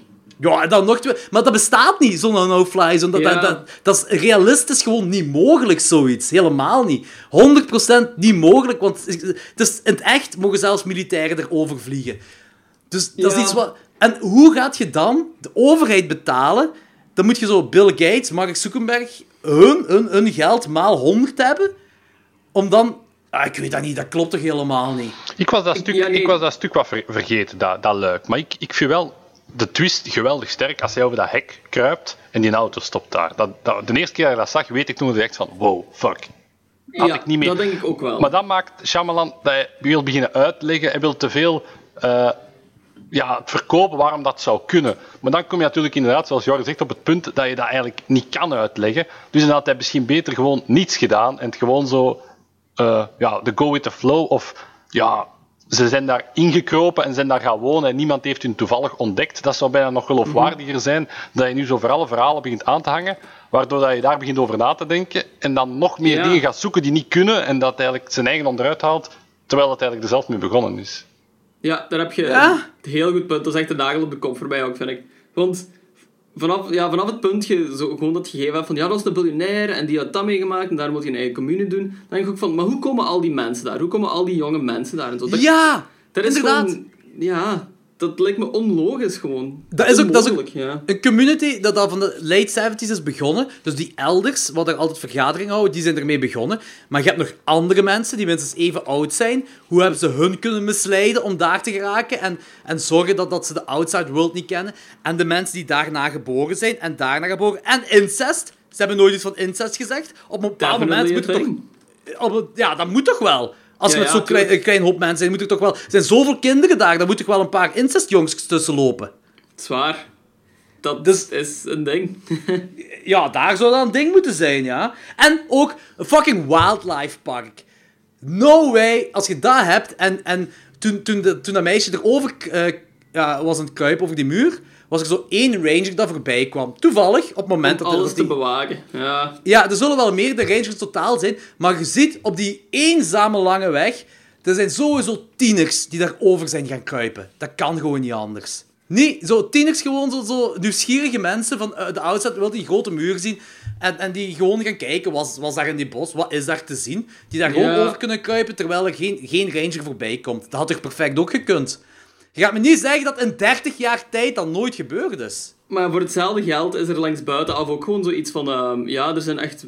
Ja, er zitten wilde beesten daar. Dus als je daar naartoe gaat, dan is de kans groot dat je wordt aangevallen door een wild beest. Maar nu zit, je al, nu zit je al een veronderstelling aan het maken. Dat ja, ja, tuurlijk, tuurlijk. Maar ja, die film die rust op veronderstellingen. Dus. Plus, dan nog, ik ben eh in Houthalen, in het militair gebied van de Mazzi, ben ik ook al vaker geweest, terwijl er staat hier mogen niet komen. En, en, Er- en eh, doen ze testen van dingen, van eh, granaten werpen en zo van die dingen, en die mogen niet komen, terwijl ik daar ook al vaker ben geweest, terwijl het niet mag, zo gezegd. Je kunt er ook zijn- echt gewoon binnenrijden. Ja, inderdaad. Ja, oké, ja, ça va, zo, maar dan nog zo... Tieners doen van die dingen. Ja, daar heb ik me niet zo veel aan gestoord. Daar. Ehm, ik heb nog zoiets van, oké, dat is misschien tieners, maar, maar er zijn toch wel... ah, Je gaat me niet zeggen dat in 30 jaar tijd niemand heeft geprobeerd om daarover te gaan. Nee, ik vind, het ik vind het ook absurd dat gewoon... Dat is verstopt kunnen blijven, zogezegd, voor 30 jaar. Ook door gewoon die mensen die daar werken, dat die ook nog altijd niet weten wat er precies aan de gang is binnen. Buiten M. Night zelf dan. Dus ik vind dat, dat vind ik ook zoiets bizar. Ik bedoel, dat is een job. En wat gaat hij dan zeggen... Wat gaat die, als die thuis komt, wat gaat hij dan niet tegen zijn vriendin zeggen van... Hey, something weird kinda happened. Ja. Dus ja. ja, dat wordt zo wat genegeerd allemaal, precies. Ja, ik- En dat vind ik wel Ja. jammer. En moet hij ook zich niet een beetje kunnen verantwoorden tegenover zijn werknemers? Zo- Je kunt toch niet als je 30 jaar lang een werknemer daar zo van... Ja, hier is de muur, daar is wildlife. Dat is het zo wel. Mensen mogen hier niet binnen gaan. That, that's it. En Maar ik ja, dat, is, dat. dat is hetzelfde wat ze doen langs de binnenkant ook, eigenlijk. Hè. Dit is het dorp, daar wonen monsters, hier moet je blijven. Dus Ja, oké, maar ze die kunnen mogen- dat uiteindelijk niet controleren. Dus dan zal er ooit wel van komen dat het eruit gaat, maar ja. Ja, maar 30 jaar lang is wel een beetje lang, hè. Ja, ja, zwaar. Maar het is gewoon, ja... het, wordt, het is maar een fractie dat verteld wordt uiteindelijk. Hè. Maar is, is er, wordt er in de film nergens iets aangehaald van iemand die alles probeerde te ontsnappen of zo en die dan vermoord is geweest? Dat weet Want ik niet. Maar wat was dat met het kindje dat op het begin sterft? In het begin, ja. Dat was ik ook aan het denken. Heeft dat daar iets mee te maken? Heeft dat iets te maken met dat ze willen aanduiden dat ze medicijnen nodig hebben? Ja, waarschijnlijk wel. Thomas, waarschijnlijk, waarschijnlijk gaat het dat gewoon zijn, ja. Ja, dat, dat is mij, dat is mij, ik heb daar inderdaad niet over blijven nadenken, maar ik, ik, uit, aan de hand van het gesprek dat we nu hebben, als je de Sixth Sense of Unbreakable nog drie keer opnieuw bekijkt, ga je nooit ergeren aan dat einde, omdat dat blijft kloppen gewoon. En Ja. hier Ja. heb je dat, ja, na de tweede keer dat we het nu gezien hebben, ik ben ook blij dat Danny er nu bij is, maar dan kan je daar gewoon een uur over blijven napraten. Danny vond de, vindt de film wel heel goed, dacht ik. Ja, ja, ja, inderdaad, inderdaad. Danny zei ook zo van... Oh, ik vind het jammer dat ik er niet kan bij zijn, want ik vind The Village heel goed. Ja, Dus ik ja, vond- misschien, maar eh, ik weet niet hoe lang het geleden is dat hij die gezien heeft. Dat weet ik dus niet. Maar hetgeen wat ik wel nog over wil praten is de Psycho Switch. Dus wat ze met uh, Joker Phoenix hebben gedaan, dat neersteken. Ah, ja, ja. Kijk, dat is iets... Ik ben blij dat dat nog eens gebeurt, dat moet ik toegeven. Ik vind het echt, ik vind het echt cool dat dat gebeurt. Mijn probleem is... Weer al, ik ben niet genoeg geïnvesteerd in, in, in Joker Phoenix. Dus het moment dat Nog hij in sterft... Adrian Brody, vond ik. Adrian Brody's in de rol is trouwens absurd hierin. Ja, raar. Heel raar.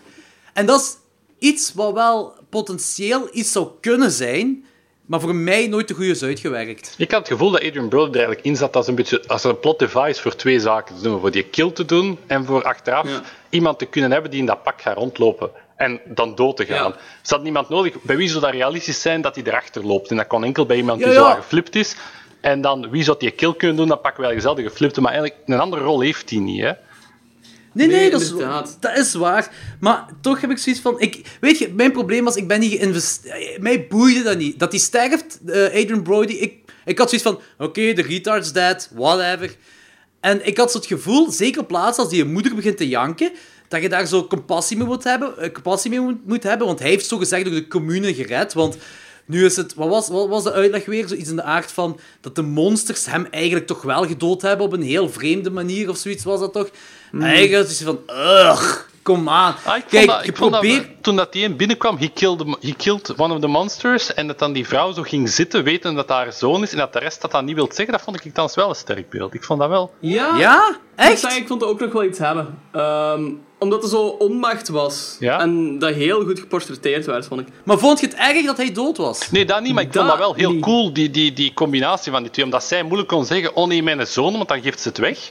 Dus ze mocht Ja. dat niet, en de rest van die elders wilde ook niet dat ze dat zegt. Maar ik vond, ja, die dualiteit vond ik wel tof in, dat, in die scène. Ja, Ja. dat wel. Maar ik had het gevoel dat ze wouden, eh, dat, dat de, de makers die wouden laten meeleven, of dat, mee laten voelen met het personage van, van Adrian Brody. Dat je, dat, je, dat je daar compassie mee moest hebben, omdat hij niet beter weet, zo gezegd.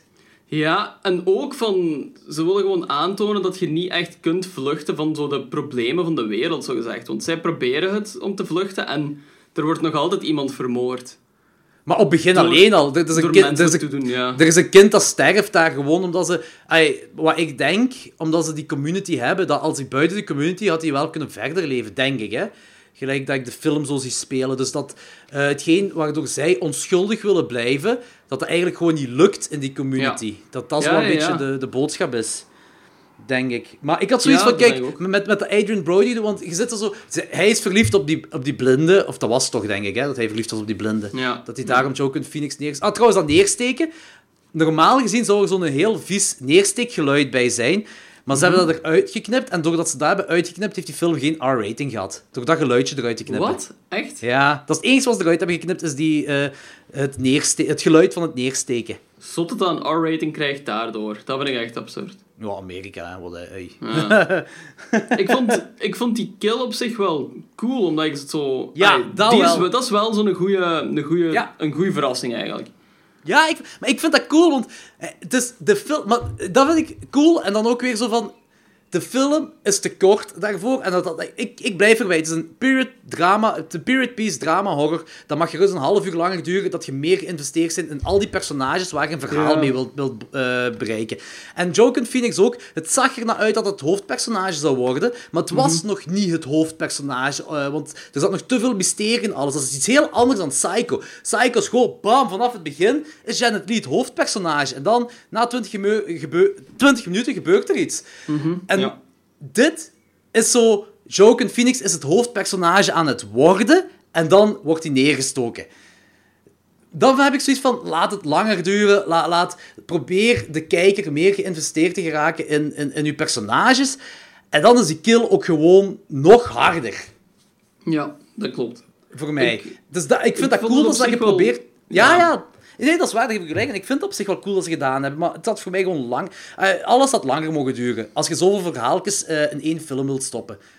Ja, ook omdat ik Joaquin Phoenix wel het boeiendste personage vond nog. En als die, Die blinde, die, wegvalt... vond die blinde vond ik ook wel tof, eigenlijk. Ja, die blinde is ook zo van, maar... Wat Ja, ik mij ook afvraag, waarom heeft die pa, dus die, die, die Edward, die alles gestart heeft met al zijn geld, dat is de pa van die blinde, waarom is hij gewoon die medicijnen niet gaan halen? Want hij zegt dan, alle, eh, zegt dat dan dat die blinde toch maar moet gaan en zij moet dan dat bos in gaan. Die is fucking blind. Ja, dat Dus vond die ik ook gaat dat heel en- raar. Waarom stuurt je een Dus- blind meisje om dat ding te doen? Ja, Ja, inderdaad. dat is gewoon zodat hij de outside wereld niet kan zien. Maar ja, die, die, die blinde, gaat, die, die heeft, dat begint al met dat hij die sirene hoort. Dus die heeft daar van alles raar gehoord. Dat gaat hij sowieso rondvertellen in de village. outside world. Waarom Ja, gaat inderdaad. hij inderdaad gewoon niet? Daar had ik Wa- zelfs nog niet bij nagedacht. Maar was is het veel op- simpeler geweest. Die is op een half uur binnen en buiten. No en die had de medicijnen. Die had de medicijnen. Phoenix was gered. Ehm, die ene, die, die, die, eh, die, die retard, was waarschijnlijk ook niet dood. En alles, de community kon verder leven. En er kon weer met incest eh, meer retard-baby's gemaakt worden. Nee, hij had, echt op Perfect. zijn, Ja. had echt op zijn gemak kunnen doen en naar buiten gaan. Is bij Burger King nog eens gaan eten. Op, eh, Voilà. Nog eens even genieten van het leven, Netflix wat checken en dan terugkomen als de grote held. Dus dat is toch een win-win geweest zijn voor hem. Man. Dat was een dikke grote win. En ik snap niet waarom die zijn blinde dochter daarop afstuurt. Die had, aangezien er zo afgronden zijn, die had ook haar dochter kunnen vermoorden. Allee, niet vermoorden, maar die dochter had toch daar kunnen sterven? Maar wou die dan misschien op... Nee, dat kan ik niet geloven. Nee, nee, nee, want er is zo'n heel Nee. gesprek dat hij zegt van, zij moet dat gaan halen en we zijn sowieso al schuldig, we zijn niet meer onschuldig gelijk we zeggen dat we zijn. Mhm. We moeten ervoor zorgen dat, dat Joaquin Phoenix dan, dat, dat, die, dat hij blijft leven, want zij zijn de toekomst. Zij zijn de toekomst van deze community. Als hij sterft, er zijn, en, en we, we hebben die medicijnen nodig en bla bla bla. Dus ik, ik, ik ben er echt wel van overtuigd dat hij wilt dat de blinde, dat, dat zij de, de medicijnen haalt. Ah, zo heb ik het toch geloofd in de film. Dus ik snap Ja, het niet. Ik snap niet waarom ik, ze eh, waarom die hem laat gaan. ook voor. Wat eigenlijk gewoon slecht geschreven is dan. Ja, dat is echt... ugh. Dat is wel jammer. Wat vonden jullie van de creatures? Ja, daar wil ik nog op terugkomen. Ik vond het concept van de creatures vond ik er heel cool uitzien eigenlijk. Ik ook. Zo van die hedgehog-mannen. Ik vond dat cool. Ja, maar dat zag er echt wel vet uit, vond ik. En dat had zoiets Ja, ja. heel folklorisch over zich hangen. En iets heel mythisch en heel mysterieus, vond ik. Ik vond dat echt heel cool. En met die rode kappen ook en zo, ja, ik vond dat echt neig. Ja, ik vond dat ook. Dat, dat werkt ook bij het concept en de beelden van, eh, van deze film, vond ik. Ja, wat vond jij ervan, Thomas? Heel Lovecraftiaans vond ik dat. Nee? Te weinig tentakels.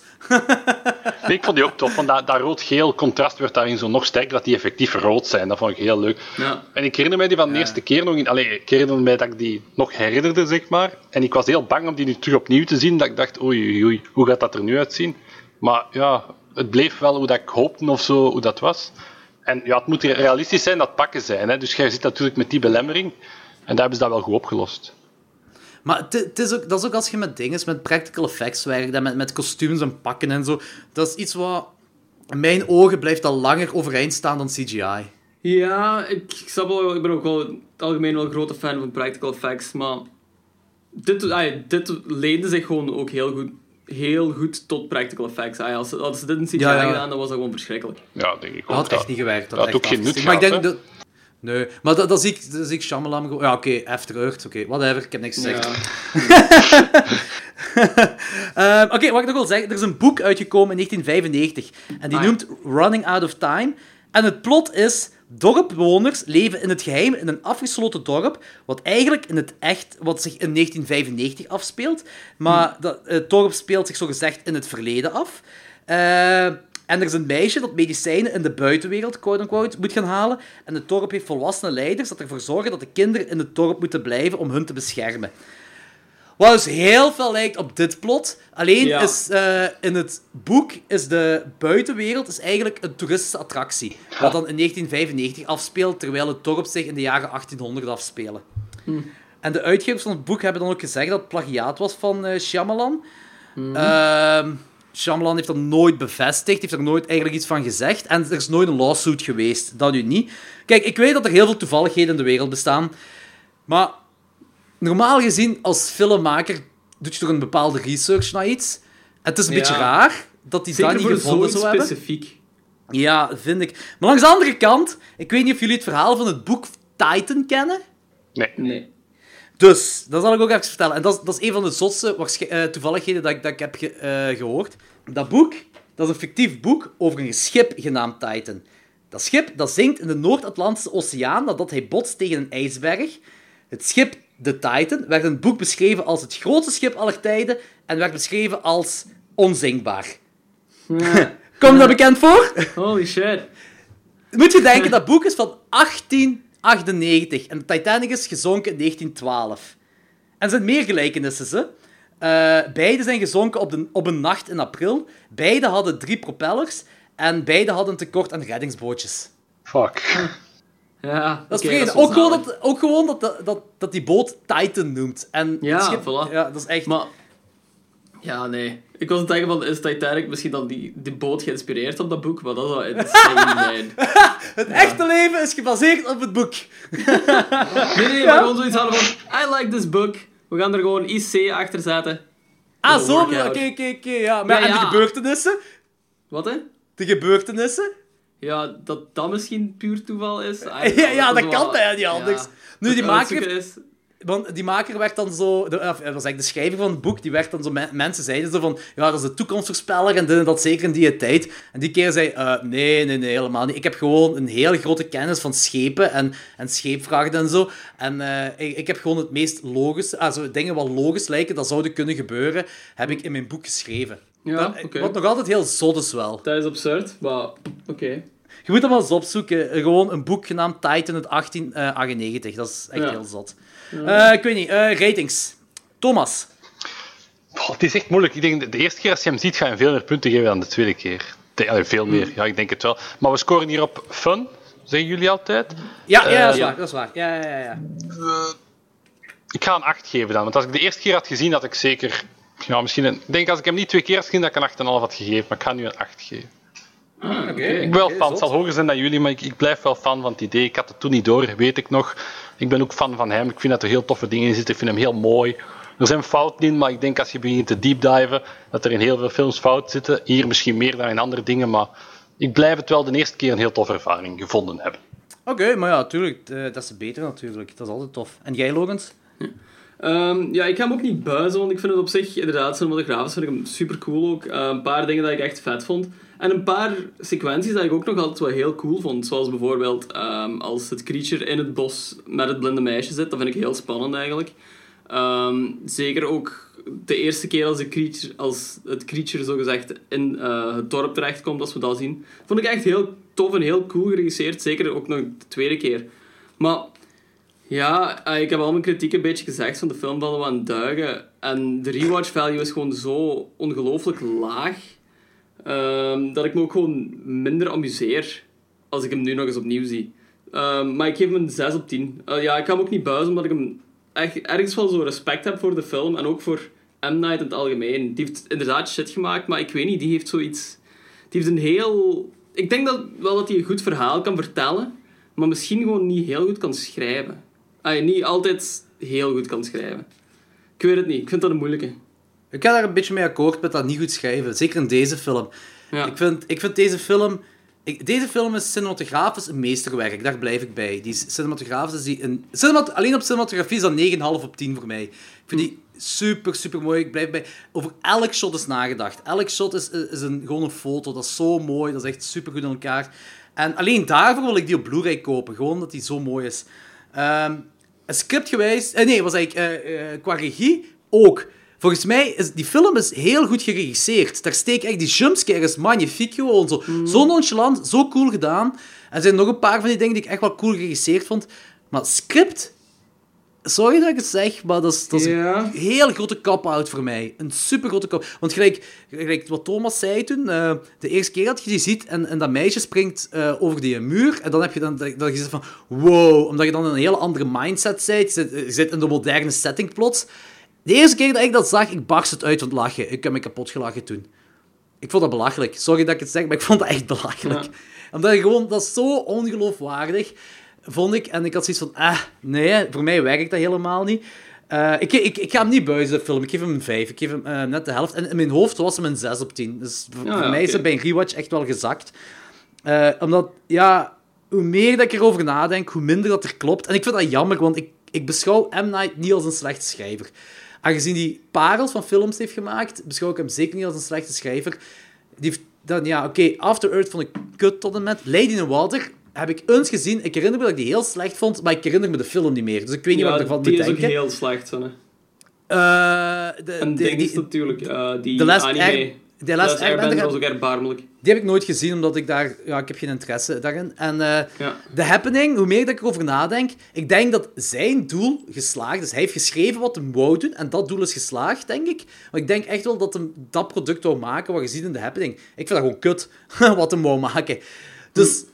Ik, ik beschouw hem echt wel als een goede schrijver, maar hier is hem voor mij compleet een mist in gegaan. En, dat is, en volgens mij had hem heel veel kunnen... Zelfs die twist, zelfs als die, met die twist erbij op laatste, als ik gewoon meer geïnvesteerd was in, in de personage, als ik meer had kunnen inleven in die personage, had ik een veel betere film gevonden. Ik vind dat die film een half uur, minstens een half uur langer mocht duren. Dat ik gewoon meer, dat ik meer interesse in die personages had. Dat ik echt, toen Joaquin Phoenix eh, daar eh, neergestoken wordt, dat ik zoiets echt van, echt, dat dat meeslepend zou zijn. Ik dacht zo, fuck, dat Ja, meent je niet. Zoiets in die aard. De Adrian, eh, bro, de, de dat ik het echt erg vond. Dat ik het echt erg vond. Kijk, bijvoorbeeld Frankenstein, dat, dat is perfect, hè. De, het monster vermoordt een kind en je hebt compassie met het monster. Ja, ik had wel niet echt compassie met het monster. Nee, bij Frankenstein, ik wel. Ah, bij. Dat is- Frankenstein, sorry, ik was even zoned out. Ja, nee, oké, sorry. Ja, Nee, bij nee, dat is dat wat ik inderdaad wel compassie. Dat, is dat wat ik bedoel. Daar heb je compassie met het monster, terwijl hij een kind vermoordt. Ja, en hier, ja. En, en, en hier is, is, eh, heeft hij dan die, die Joaquin Phoenix neergestoken. En is hij zo Maar- de retard, dus die kan er zogezegd niks aan doen. En hij is ook degene die daar al die dieren zit te pellen, om een of andere reden. Ja, je hebt, ja voilà, je hebt nooit mee... Je krijgt ook geen medelijden of zo met hem. Nee, inderdaad. gewoon medelijden. Maar hier... Ja, hij was ook gewoon heel ambetant en zo... Ja, zijn acteerprestatie was gewoon awkward as fuck de hele tijd. Gewoon, dat gegichel was gewoon zo frustrerend en irritant gewoon. Ja, en ik Dus, vind dat jammer. ja. Dus, eh, ze hadden daar veel... Ze hadden he- dat is, een, dat is een, een personage waar veel potentieel is... Ja, waar iets in zat voor mij, maar ze hebben het heel slecht uitgewerkt. Ja, maar dat is met veel dingen. Er wordt gewoon inderdaad, gelijk Thomas er straks zei, want er wordt zoveel opgezet, maar er wordt zo niks echt afgemaakt. En dat vergaat gewoon allemaal een willekeurigheid, precies. En ik vind dat jammer. Dat is, een film waar heel veel in zit. Voor mij dan, hè. persoonlijk voor mij. Dat, kan heel veel in zitten. En, en ja, ik vind het jammer dat het er niet in geslaagd is. Maar eh, ik dacht, ik dacht eh, weet je wat? We gaan Danny even bellen. dat hij zijn Ja, mening ook, ja, dat zijn mening goed. ook kan zeggen. Om, om bij u aan te sluiten, Jordi, het- het valt in staat met, de plottwist, hè, zoals bij al die films. En als je zegt, ik barst in een lachen uit, ik vond het onnozel, ja, dat, dat werkt het niet. Allee, als dat niet werkt, dan kan je het nooit goed vinden, wat dat je verwijt is natuurlijk. Maar als dat Ja, wel dat is mee is, dan werkt het wel. Dat is het grote verschil erin. Hey Danny! Ehm, je bent nu live in de Eater van Klokslag 12. Ehm, 12 zelfs. Amai, fancy shit, hè. ehm, we hebben juist de Village besproken. En eh, we dachten, we gaan nu even opbellen, dat we ook weten wat jij ervan vindt. En dat jij een, een rating kunt geven. Want misschien gaat door uw rating deze film wel in de Hall of Fame geraken. Eh, Oké, eh, de Village, is even geleden dat ik hem nog al had gezien. Maar lang genoeg om nog wel een vrij accuraat cijfer aan te geven. En ja, voor mij kreeg het er gewoon een 8 over. En Dat heeft een beetje een slap einde. De ehm, plot twist, of de plot op het einde, de Dixie en Night Shyamalan, de ding dong. Zit, heeft, uitgewerkt. Maar ik vind het concept nog altijd wel heel cool. En de film, de film gewoon heeft, eh, gaat kapot van de atmosfeer voor mij. Dus ik vind dat een heel cool- film. 18. Oké, is, ah, hij zit niet in de Hall of Fame. Ah. Jammer. Eh, is goed, merci eh, voor uw mening te geven. Hoeveel eh hebben jullie heeft Eh, Thomas geeft hem een 8, eh Logan geeft hem een 6 en ik geef hem een 5. Stilte bij Danny. Hij het tellen. En hoe had hij dan Hall of Fame kunnen geraken met mijn cijfer? helemaal die, helemaal die. Oké, dat is goed. Oké, over naar het groetjes van Center Parks. Yo, merci. Yo, veel plezier. Yo. Ciao, ja. Toch twee opmerkelijke zaken. Hè. Eén, hij kan opnieuw de naam niet uitspreken. En twee, hij vindt de film goed, behalve het einde. Terwijl we eigenlijk net precies vonden dat het einde bepaalt of hij het goed vindt of niet. Ja, ja, inderdaad. Dat is wel, ja, dat is wel opmerkelijk, inderdaad. Ja. Maar het is wel Danny. Danny kijkt naar atmosfeer. En als de atmosfeer goed zit, zit de film al... Ja, voor de helft al heel goed voor hem. Ja, dat is wel waar. de film zit wel vol met atmosfeer. Die, die, die sfeer zit heel goed in deze film. Dus dat- volgens mij maakt het, dan, eh, maakt het voor hem dan niet meer uit hoe de film aan elkaar zit. Eh bon, oké, dan gaan we even pauzeren, kunnen we bier halen. En eh, dan kunnen jullie luisteraars nog eens luisteren naar Steven van Herwegen. Ik ga Ik een beetje halen. halen. Ja. Jongens en meisjes, horrorliefhebbers. Dit is het officiële pauzemoment van klokslag 12, meisjes en jongens. Eh, joh, ik denk dat we wel eh, into eh, I Remember You kunnen gaan. Ja, die, ja. Of hoe ook zegt. ja, ik, ik weet niet. Eh, Oké, I Remember You, film van de- wat deze jaar een wide release heeft gekregen. Eh, geregisseerd en geschreven. Oké. Oké, De- deze valt mee. Oscar Deze- Thor Axelsson. Dat is dan ook de enigste IJslandse naam dat ik ga zeggen vandaag. Ik begin echt niet aan die cast, want dat gaat... Eh, dat is niet mogelijk eh, om met die cast te beginnen. Maar wacht, ehm, een van die castnamen heeft... Danny heeft dat ingesproken wel, dacht ik. What? Eh, Echt? Ja, ja, ja, ja, ja. Danny had dat ingesproken. Hier, ik zal het even afspelen, hè. Ja. Rachtai voor Steindoor stond hier. Aha. Ja, dat is dus één van de kast van de film I Remember You. Dank je, Danny, daarvoor. Hm. oh, my God. Ehm ja, eh, een synopsis. Ja, sorry, ik was even drinken. Het is de lange synopsis, hou je vast. Een oudere vrouw hangt zichzelf op in een kerk in de afgelegen Westfjorden van IJsland. Via haar zelfmoordbrief ontdekt een psychiater dat ze geobsedeerd was door de verdwijning van haar achtjarige zoon, die zonder een spoor drie jaar geleden verdwenen is. Aan de andere kant van de baai in een verlaten dorp zijn drie stedelingen bezig een huis te restaureren. Als er vreemde dingen gebeuren, beseffen ze dat het spookt in het huis. Langzaam beginnen de twee verhalen ineen te grijpen en blijkt een jongen genaamd Bernodus, die zo'n 60, ja- 60 jaar geleden onder mysterieuze omstandigheden verdween, de ontbrekende schakel blijkt te zijn. Ja, ja. ja. eh, ja.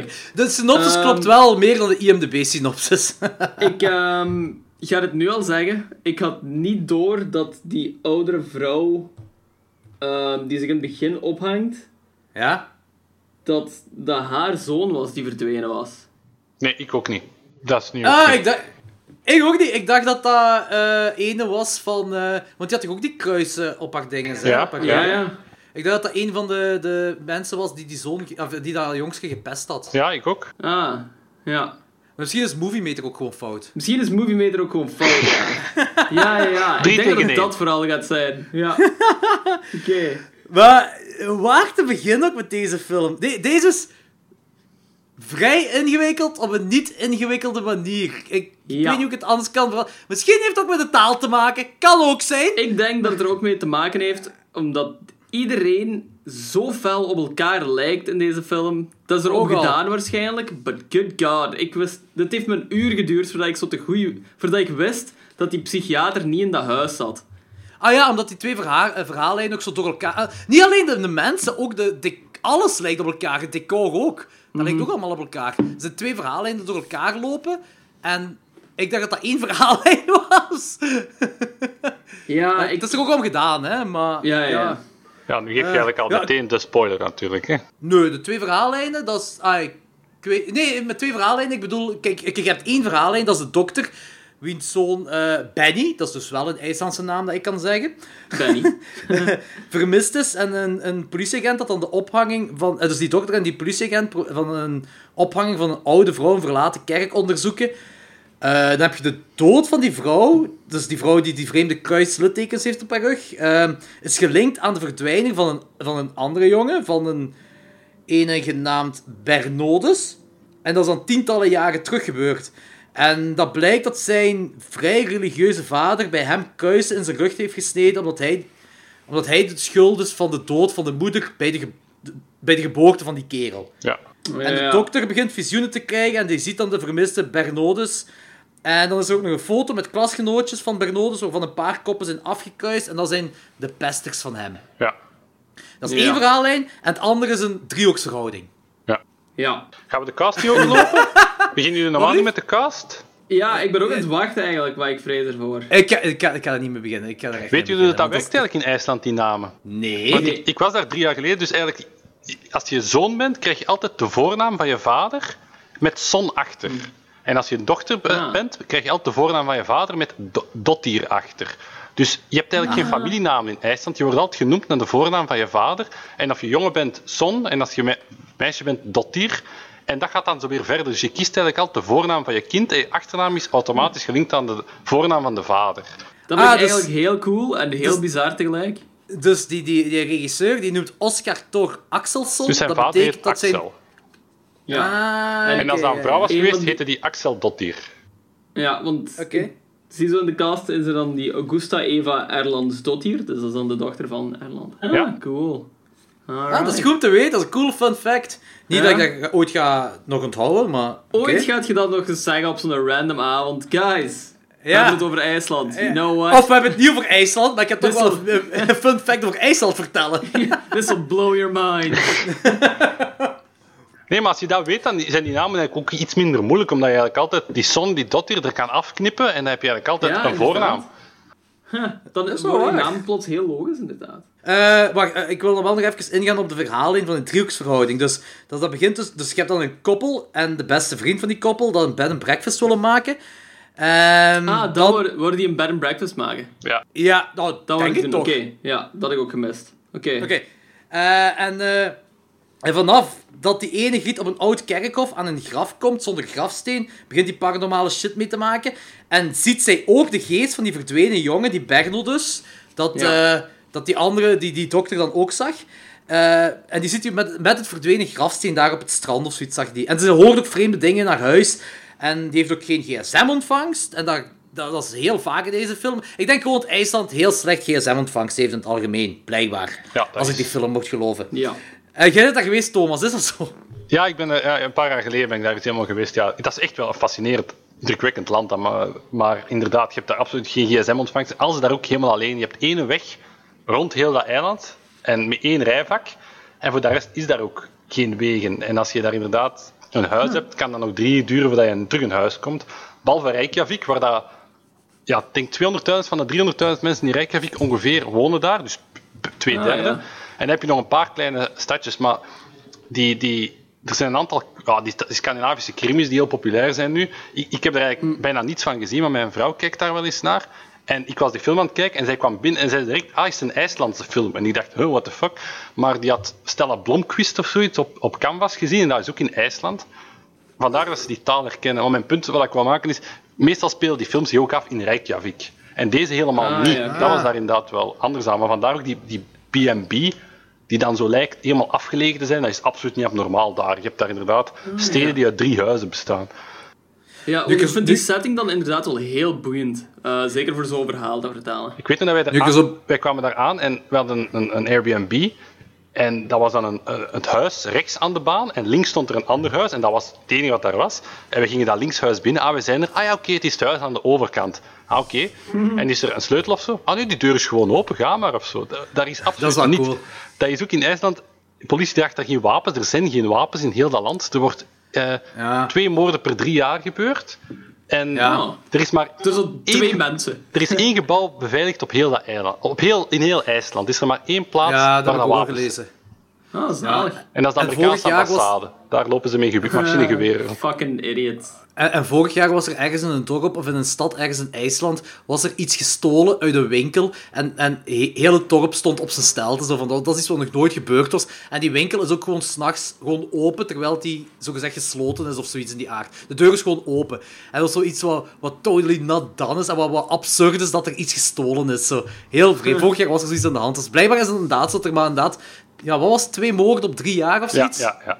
Ja, dat is echt, dat is echt shit, ja. absurd. Maar nu je, zo, nu je dat allemaal vertelt, zo, het concept van The Village zou beter werken in IJsland. ja. Eigenlijk is dat gewoon een beetje het concept van The Village. IJsland! IJsland is het concept van IJsland The is gewoon The Village. Village. Want I- IJsland is eigenlijk echt... No, sorry met mijn anekdotes, maar IJsland is echt een beide IJsland. Toen dat die in de Tweede Wereldoorlog wou Amerika IJsland gebruiken als, eh, basis voor hun vliegtuigen te landen, want het was net te ver te bombarderen in Duitsland. En zij wilden dat doen. En eh, IJsland zei, oké, dat is goed, maar we hebben eh, drie vereisten en dan mocht je dat doen. Eén, we hebben geen luchthaven, dus je moet die bouwen en wij willen die achteraf hebben. Oké, dat was dan in orde. Twee ben ik even vergeten, maar drie was vooral, wil totaal onafhankelijk zijn van Denemarken. Dat is nu toch bezet, dus je je kunt dat nu even regelen. En dat was dan in orde. En vanaf dan zijn die eigenlijk onafhankelijk van Denemarken. Want die bestaan nog maar eigenlijk van in de jaren 40 als dan. Ja, ja, Dat zalig. is wel grappig. Ehm, om dan terug eh, into de film te gaan. Ehm, ja, in, in die verhaallijn dan van die driehoeksverhouding heb je dan ook nog zo... eh, dat zij dan, die Griet, dat zo de, de geest van, van de jongste van die Berno dus, eh, die vindt dan het lijkske van die Berno dus in de kelder. En die heeft een foto vast van zijn moeder en die lijkt heel hard op haar. Op die Catherine, of hoe die dat ze noemt. Of Ja. Katrien, of ik weet niet meer. En die lijkt, dat, dat is eens wat ik zo onthouden die lijkt daar heel veel op. En dus, om een of andere reden, ze hebben geen contact... Ah, oké, ze hebben geen gsm-ontvangst, dus geen contact met de buitenwereld. Dus eh, ze zijn alle, allemaal een beetje van slag door dat lijk. Dus gaan ze verhuizen naar een ander verlaten huis. Ook wel iets... Maar dat zal wel iets, iets, iets IJslands zijn, hè. verlaten Ja, huis, niet goed genoeg, we gaan een ander verlaten huis, ja. En eh, in het liefdesdrama verhaallijn komen we ook te weten dat eh, de dude van het koppel eh, zijn vriendin heeft bedrogen met die beste vriend, met die Liv dan. En eh, die willen, wat was dat weer? Die gaan samen, die willen samen gaan wegvluchten, eh, omdat die... eh, ja, ik weet niet. Ik weet dat die samen willen gaan wegvluchten, maar dan valt er een schouw op hun. Ja, zij is zwanger, hè? Ja, Ja, en, zij- zwanger, daar, ja. ont- en daar ontdekt hij dat hij zwanger is. Juist, inderdaad.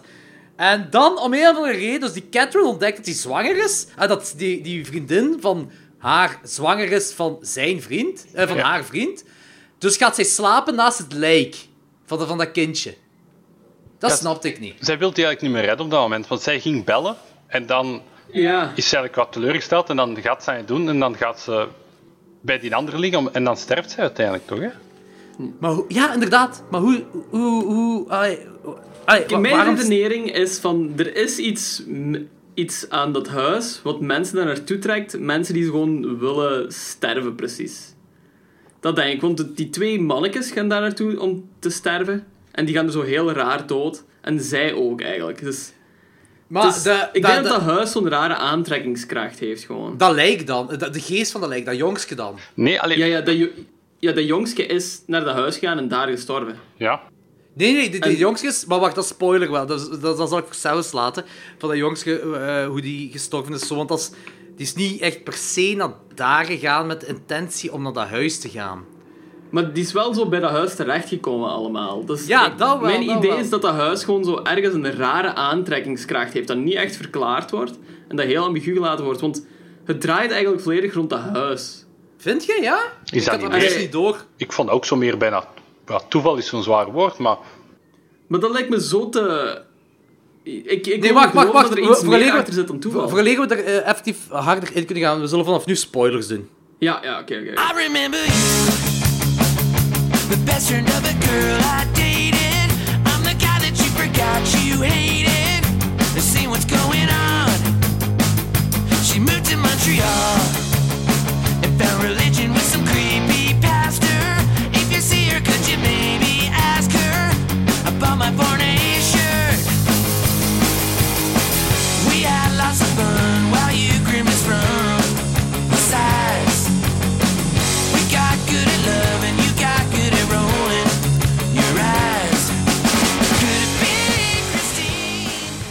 Want eh, dat jongske is daar geraakt. Eh, want het zijn twee verhaallijnen, dus die, die, die driehoeksverhouding speelde zich was dat, een paar jaar daarvoor af. Hè? Dus eh, dat is niet dezelfde tijdlijn. Dat is, dat is zo wat de twist in het verhaal. En, eh, ah, wist je Ja, dat ja, niet? Jawel, jawel. jawel. Ah, oké. Ah, smeegel af. Oké, zwart. Ehm, maar hoe we daar terechtkomen, dat is dat dus. Dus wacht, op een bepaald moment eh, komt die, die dokter, die gaat joggen, s'nachts, omdat hij wakker is, die gaat daar joggen. En eh, die komt er bij een boot terecht en daar vindt hij Ursula. Wat ook zo eh, een van die pesters was van, van dat jongske dat verdwenen Ja, is. Ah, van en die, die heel dement is geworden. En, Ja. ja. ja, inderdaad.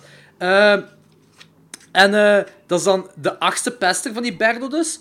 En eh, die vertelt dat de dokter dat zijn zoon, want zijn zoon is ook vermist hè, en die dokter is daar op zoek naar, op de bodem van iets groen ligt. En de au- de autistische vriend van zijn zoon die tekent een groene duikboot. eh, waar de zoon van de dokter het laatst gezien is. Maar die duikboot blijkt een septische tank te zijn en CGI IJsland heeft dat ontdekt door camerabeelden van een, van een eh, tankstation. Explain Ja, mij dat eens. Dat snapte ik ook niet. Wat daar zo de En dat zijn zwart-wit camerabeelden, hè? Ja, ziet je daar die septische tank op of zo? Want dat snap Nee, echt ik was- nee. die- nee, nee, nee. Ze linken dat zo omdat... ehm, Die drie, die drie, de, de- van Die drie mensen daar hebben gezeten. Die Ja, ja, ziet je. Maar die zouden zo gezegd de septische tank vast hebben, denk ik. Maar ik, ik was zo hard aan het kijken, naar ik was aan het zoeken naar een tank, naar een groene duikboot op zwart beelden, maar ik vond het niet. Ja, ik, weet, ik herinner me ook gewoon dat ik niet wist naar waar ik moest kijken toen ik dat beeld zag. Want daar, ja, ik had het gevoel dat daar iets heel obvious ging moeten zijn, maar ik zag niks, basically. Ja, eh, Het idee hoe dat ze het, het willen, eh, ik denk dat hoe dat ze het willen verkopen, is dat inderdaad dat die septische tank op, op die auto stond die ze bij hadden. Hè? En dat jongetje Ah, is erin oké. gekropen en ze hebben die tank meegenomen en dan daar gezet. Dat lijkt mij Ja, die jongen is erin gekropen, dat wel. Dat Ja. en die is daarin verdronken, dat in dat inderdaad. tankstation. En hebben ze die meegenomen, daar gezet en die stond nog altijd daar. Niet? Maar ik Ja. kan me ook moeilijk inbeelden dat die zo'n volle septische tank aan het vervoeren waren. Jo, IJsland, hè. Ja, weet ik veel. Ik weet. Maar ik vond- Oké, maar dat, dat is misschien wel een beetje eh, suspension of disbelief. Maar ik vond gewoon die camerabeelden vond ik zo slecht. Ik vond, ik vond dat. Ja, dat was zo het gegeven zo van, van die, die politie. Aha! En ik was daar de hele tijd die camerabeelden kijken en ik zag het niet. Ik zo, was die aha nu? Ik, ik ben niet mee. Ik, ja, Ja. ik, ik, vond, ik vond dat heel raar gedaan. Maar daarna krijg je wel die sep- een foto te zien waar de septische tank zo buiten staat. En daar, Ja, ja, wordt de link wel gelegd natuurlijk. Maar Ja, ik vond dat inderdaad gewoon een rare, rare keuze. Eh, uiteindelijk worden alle lijken wel gevonden. Dus die van dat koppel wordt gevonden. Want dat speelt zich een Dus dat koppel dat daar onder die schouw ligt, wordt gevonden. Eh, en, en, en Benny wordt daar... Dus de zoon van die kerel, van de dokter, wordt daar in die septische tank gevonden. Eh, en die vader gaat dan naar de... Dat vind ik ook raar. Die vader gaat dan naar de kelder. Maar die ziet die lijken van Catherine en, en Bernard dus niet, hè? Maar die gaan niet naar die kelder, hè? Nee, die wordt aangetrokken de tot die kelder. Of zoiets, ja, dat was het. Ja, die gaat naar de kelder, maar niet in de kelder. Nee, want die kelderdeur is open en die doet die kelderdeur dicht. Want die heeft, volgens mij weet hij dat er iets in zit. En die denkt van, ik moet dat laten rusten. Zo komt dat voor mij over. En dat is heel ambigu allemaal, maar zo heb ik dat opgevat. Dat kan, maar ik snap het dan nog altijd Ja, niet. Want... bij, mij- bij mij is want- het, het punt in de film is... Want ze zeggen dat ook op een gegeven moment, hè, dat je kunt pas eigenlijk een beetje naar de hemel gaan, laat het mij zo noemen, eh, of een beetje echt sterven, als je gevonden wordt en als wordt uitgeklaagd wat je gedaan hebt. Want Ja, zolang want dat zij je- zijn toch niet gevonden? Ah, wel nee, maar daarom staan ze op het einde ook aan dat raam, zo teleurgesteld dat ze niet gevonden zijn, dus ze blijven in dat huis zitten. Dat kind, Ja, zit, dat al, ja, dat, dat kind zit al jaren in dat huis, maar die is nog nooit... Ze, ze hebben nooit ontdekt wat, hoe dat is doodgegaan en ze hebben hem nooit gevonden. En doordat die vader... naar die Oh!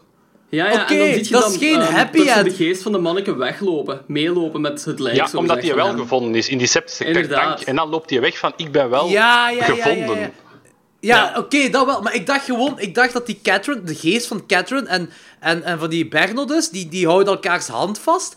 En bij mij leek dat zo alsof opdracht geslaagd was voor hun. Ah, nee, dat was echt Maar dat fuck, niet geslaagd. nog misschien twintig jaar tegen als die ooit nog eens terugkomen. Ah, oké. Ja, ja, ja. Maar wel zoiets van... Nu, ai, die jong, ik beelde me dat zo in van... Nu ben ik niet alleen. Want op een zeker punt wordt hij ook zo wakker. Ja. Als zij Ja. in de kelder ligt, wordt hij ook Ja. zo wakker naast haar. Dat is goed En gedaan, dan is hij zo Dat vond ik heel... echt goed. Dat vond En daarmee dat, daarmee dat ik dacht, want ze zijn de hele tijd zo aan het zeggen van, ja, u, eh, eh, was dat weer, uw ziel moet nog iets bereiken voor een leer... Ja, gelijk jij zegt, Thomas, waarschijnlijk naar de hemel moet gaan. Of zo heel cliché geestenverhaal ding, zo. Super cliché geestenverhaal ding zelfs. Maar het is een combinatie En, van eh, die dingen. en- Allee, ik, ik vond bij mij dit echt de, het ene verhaal, en ook het begin van de film, deed mij heel hard denken aan, aan The Girl with the Dragon Tattoo van David Fincher. Ik vond dat dat Ah, die vibe ja. had. Zo. Maar dan komt daar inderdaad het. Ja, ik ga dan nu heel oneerbiedig The Grudge vibe-achtig ding brengen. En, en dat, jullie zijn daar nog iets meer in thuis dan mij. Dat, dat ja, geest die dood is gedaan, die dan ander verlossing moet vinden, of die dan huizen behekst. Dat luikt is een Ja. combinatie van zo'n soort Scandinavische crimi. En dan gecombineerd met dan zo, ja, Ja, ik vond dat met, momenten ook wel wat die denken aan ehm, die Spaanse horrorfilm, zo die Orphanage. Omdat dat ook ja. gewoon... Maar wel, Op zich- de Orphanage is veel beter gedaan op dat vlak. The Orphanage is beter gedaan, vind ik. Maar het is zo... Ook ehm, niet echt een kwaadaardige film. Maar het wordt wel zo als een horror gepresenteerd. En Ik vind het wel een goede vergelijking. ja... Dus daar deed me wel aan denken. Ik vond de film trouwens echt niet slecht. Hè. Dat wil ik ook even nu al duidelijk maken. Want... Maar ik vond hem gewoon... ongelooflijk moeilijk om de narratief gewoon te volgen. Omdat ja, al die personen gewoon zoveel op elkaar leken en ja, veel, te veel dingen gewoon niet verklaard werden. Gelijk zo die kruisen, wat ook bij al die andere personen ineens terugkomen. Heb je het gezien met ik- Nederlands of met Engels ondertiteling? Engels. En, en vond je dat laat? Want ik was ook aan het denken, ik ben eigenlijk constant aan het lezen. Meestal zie ik films zonder Ja. ondertiteling. Maar, Ja. allee, behalve de, zo- maar dat was ik weer aan het denken, bijvoorbeeld bij, bij Franse films, bij Spaanse of Italiaanse films, viel mij dat minder op dat ik aan het lezen was. En hier viel mij dat heel hard op dat ik eigenlijk constant Ja, ja, aan het lezen was, omdat ik eigenlijk Ja. geen klote begreep Ja. wat ze aan het zeggen waren. Dat, Ja, voilà. ja. Om, dat is omdat die... Ja, de verhaal is gewoon te moeilijk. Ik neem ook notities tijdens de films voor de podcast dan. Eh, op mijn gsm eh type ik dan dingen in. Maar hier was dat moeilijk om te doen, zo, want elke keer als ik zo op mijn gsm moest kijken om te typen, had ik iets Ja. gemist. Dat gevoel had ik dus ook de Dus hele ik, tijd. ik, had bijna geen, ik heb bijna geen notities genomen voor deze film. Eh, zo goed als niet eigenlijk. Gewoon omdat ik de film anders niet kon volgen. En de film is super sfeervol. Ik wou ook niet wegkijken van het beeld.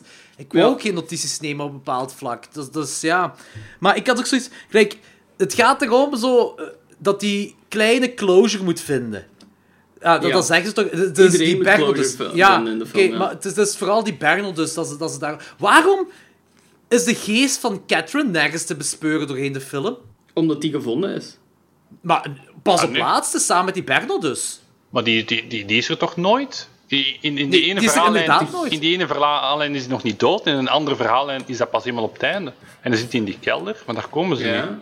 Ja. Ja, maar kijk, dus de Bernal dus zit... eh, dus laten we nu gewoon eh even de verhalen van de dokter nemen. Daar zit je de geest van Bernal dus. En bedoel, eh, ze, ze zitten de hele tijd te zeggen, hij moet closure vinden, hij moet closure vinden, en dan pas gaan die paranormale dingen weg, dit en dat. En omdat ze de andere verhaallijn erbij betrekken, denk je ook dat dat moet gebeuren bij die... dat zij daar ook voor moeten doen en zo. Maar Catherine, die gaat slapen naast het lijk van Bernal dus en sterft om een of andere reden. Ik snap nog altijd niet hoe zij gestorven is. Dat laat ze toch niet weten, hè? Ja, ja, ja. Dus gewoon van Maar hoe kun je nu zelf... eh datzelfde gelijk je eigen verdrinken, dat gaat toch niet? Je kunt jezelf toch ook niet verdrinken? Je kunt jezelf toch niet verhongeren en verdorsten? Dat gaat toch bijna niet? Of gaat dat wel? In IJsland kan veel zo shit. Ik, vind, ik vind dat iets heel raar, want ik weet, even, eh, u, uzelf verdrinken is eh, wetenschappelijk bewezen dat onmogelijk. Ja, inderdaad. Tenzij je, tenzij je een eh, blok rond je voeten doet en je zelf in het ding is in, een- in een kanaal werpt of zo. Hè. Maar Dus- ja, je kunt inderdaad niet gewoon je adem inhouden en een em- emmer steken, want dan... Ja, inderdaad, dat gaat niet. Dat gaat, dus ik vind dat heel raar dat die, dat die Griet gewoon naast die, naast die dode gaat liggen en gewoon sterft om daar te blijven liggen. Hoeveel, hoe makkelijk zou het dan zijn om zelfmoord te plegen voor al die mensen die zelfmoord willen plegen? Eh, ja... Daar Ik heb weet dat niet ik vind dat- Daar heb ik niet echt een antwoord op. ik vind dat Ehm, iets heel ongeloofwaardig. Tenzij zo dat zij opgesloten is in die kelder, maar dat heb ik precies gemist. Ja, ik weet het niet. Misschien heeft dat zoiets te maken met het feit dat die kerel de deur dicht doet en dat zij daardoor... Misschien is het ook zoiets meer symbool dat zij ernaast gaat Maar die liggen. kerel is de andere verhaallijn, hè? Maar op het einde komt die verhaal in toch wel... Maar ja, dan is zij al dood. Ja, ja, dus het is niet dat zij sterft Ja, als nee, zij die, die doodgaat. Maar dat, dat was dus mijn vraag, want die, die moet al even dood zijn. Dus, want dat is een paar jaar geleden gebeurd, die ene verhaal. en Dus zij, zij is al even dood. En aangezien die kleine, eh, de geest van die kleine daar, want aan het eh eh, streken is aan het uithalen bij iedereen, eh, om closure te kunnen krijgen, waarom die Catherine dan niet? Want Catherine is toch dood wanneer eh, de verhaallijnen samenkomen? eh, is zij toch dood? En zij zal al even dood zijn. Dus ik geloof niet dat zij pas dan sterft wanneer hij die deur, deur dicht doet. Misschien is er gewoon niemand op zoek naar Catherine. En is dat ding. Maar dan, is dan moet juist sowieso ehm, haar geest daar toch mensen gaan... eh, eh, haar geest naar mensen moeten gaan. Aangezien niemand naar haar op zoek is, dan moet zij sowieso ervoor zorgen dat, dat er closure is voor haar, dat mensen haar gaan vinden. Ja. Eh, daar heb ik echt geen antwoord op. Gewoon. Ik ehm, denk... Ik denk inderdaad, gelijk wat Thomas zei, van dat het gewoon iets heel symbolisch is. En inderdaad gewoon zoiets heel mysterieus en eh, sprookjesachtig ehm, op zich. Maar ik, Denk- ik, ik Oh, weet dat ik niet. Ik denk- dat ze het vooral aan het ambiguë laten, gewoon om geen dingen te moeten laten eh, te vertellen, omdat als, je, al- als ze dingen moeten gaan uitleggen, klopt het volgens mij gewoon niet meer. Nee, het klopt inderdaad al niet volledig. Zo. Maar die, ja, ik weet gewoon niet wat klopt, omdat ik het gevoel heb dat ik, één, dat ik gewoon de helft van de film gewoon gemist heb. En ik weet niet waarom. Omdat alles is gewoon te ambigu. En die, ik heb het nog al gezegd, die narratief is gewoon te complex. En die twist dat het zo twee verschillende tijdsperiodes zijn, is voor mij ook gewoon niet nodig. En het enige wat het doet, is gewoon het verhaal nog moeilijker maken om te volgen. Inderdaad, dat is goed gezegd. Niet nodig. Ik vind dat eigenlijk ook niet nodig. Klinkt er altijd, omdat je, je zei altijd, ik vind geen slechte film, maar je bent er altijd een beetje teleurgesteld. Hè? Want op Rotten Tomatoes kreeg die Ja. film, is, is dat zelfs, ik wil 100 zeggen bijna, of, of 98 of zo. Ja, Die ik weet het, ik weet het. Die wordt super op. Eh, Ja, ja. En in Amerika wordt die heel fel... Daarmee dat ik die heb gekozen, omdat eh, eh, in Amerika... Ik, ik was al even aan het uitkijken naar deze film, want in Amerika wordt die heel eh, gere- ah, mensen kijken echt uit naar deze film. Mensen hebben heel, zijn met heel veel lof over deze film aan het praten in Amerika. En eh, dus... dus ja, ik weet, die, die sinds een paar weken is die, eh die Blu-ray Oh, ja. te koop bij ons. Die heeft echt 100... Oké, die heeft nu wel nog maar vijf reviews op Rotten Tomatoes. Maar, Ah, oké. ja, dat is wel 100%. ja. Eh, Maar- ja, oké, maar ja, zwart, maakt niet uit. Ik, ik weet dat ve- veel mensen die ik volg in Amerika, die, die zijn echt wel zot van deze film. En voor, veel mensen is dit ook bijna de perfecte film. En dus ik keek heel hard uit naar deze film. En als ik deze film kijk, heb ik zoiets van... Pas op, ik snap de film. Ik, ik ben mee met de verhaallijn en zo. Ik snap het wel. Maar ik heb zoiets van... Jij laat het precies in het ambiguë, omdat je het niet zelf kunt oplossen. Tegen de makers dan, Mhm. hè, bedoel ik. Ja, ja, ja. Ah, dat gevoel heb ik. En Ja, dat dat irriteert me heel fel. Ja, ik vind het alles behalve een perfecte film, maar ik vond hem wel goed. En waarom? Ik, ik, ja, ik ga een beetje Danny, de, to- de tour op van Danny. Qua sfeer zit de film echt heel sterk in elkaar, vind ik. Dat en is ik ook. vond die momenten echt ongelooflijk creepy. En visueel ook gewoon heel prikkelend de hele tijd. Want ik... ehm, bijvoorbeeld als die dokter naar het lijkhuis gaat, als hij zo de eerste keer zo die eh, Ja? beelden ziet van zijn zoontje, dan gaat hij zo naar het lijkhuis. Ik vond dat, er, dat het er echt prachtig uitzag. En het heel lang geleden was dat ik nog zo shots had gezien, omdat ik qua kleurgebruik en qua, ja, qua sfeer en qua setting vond ik dat echt fantastisch cool. Daar geef er ik u gelijk in. Dat is een cinematografische parel, deze film. ja, en ook van... Het, ehm, het is echt een slow burn en zo, maar ik wil constant wel meer weten. Ik was constant wel geprikkeld om erachter te komen van wat er precies gebeurd is, omdat het heel veel boeiende aspecten heeft. Je, je hebt dan zo die kerk, waar er zo onrein op die muur staat geschreven. Mhm, Je hebt ja. dan zo die kruisen en zo. Daar wordt jammer genoeg eigenlijk gewoon heel weinig mee gedaan. En heb ik heel Goh, veel ik vragen weet niet. door achteraf. Met maar die ik vond dat kruisen- wel heel boeiend, omdat dat constant terugkwam. En het, ja, het, ik was heel actief mee aan het kijken wel in die film. En zelf zo op zoek gegaan naar dingen. Dus ik vind dat heel indrukwekkend als de film dat nog kan, ai, dat kan bereiken. En daarom vond ik hem goed. Die kruisen denk ik wel dat dat... Voor mij hebben ze dat zo uitgelegd dat gelijk... Die pa van, van die kleine is super religieus en eh, die gaf die kleine de schuld dat, dat de moeder was gestorven tijdens zijn geboorte. Eh, Dus die straft hem met kruisen in zijn rug te kerven. Dus dat is Ja. zijn straf. En omdat die kleine zo vaak gepest werd, he- heeft die kleine, eh, nu weet ik niet, de geest of whatever, ik denk, ja, de geest zal waarschijnlijk zijn, heeft die pesters vermoord en kruisen achtergelaten, gelijk dat zijn pa bij hem heeft gedaan. Ja, maar ook ehm, bijvoorbeeld zo die kerel van de driehoeksverhouding, die op een zeker punt heeft hij ook gewoon een kruis in zijn nek staan. Hè? Waarom Dus- hij vermoord wordt, dat weet ik niet. Dus ik weet ook zo niet van waarom, hoe dat, dat er precies komt. Ik dacht ook dat die eh, dokter, ehm, ja, het hoofdpersonage, ook zo bebloed wakker werd. Dat er ook geïnsinueerd werd dat hij ook zo wondes had.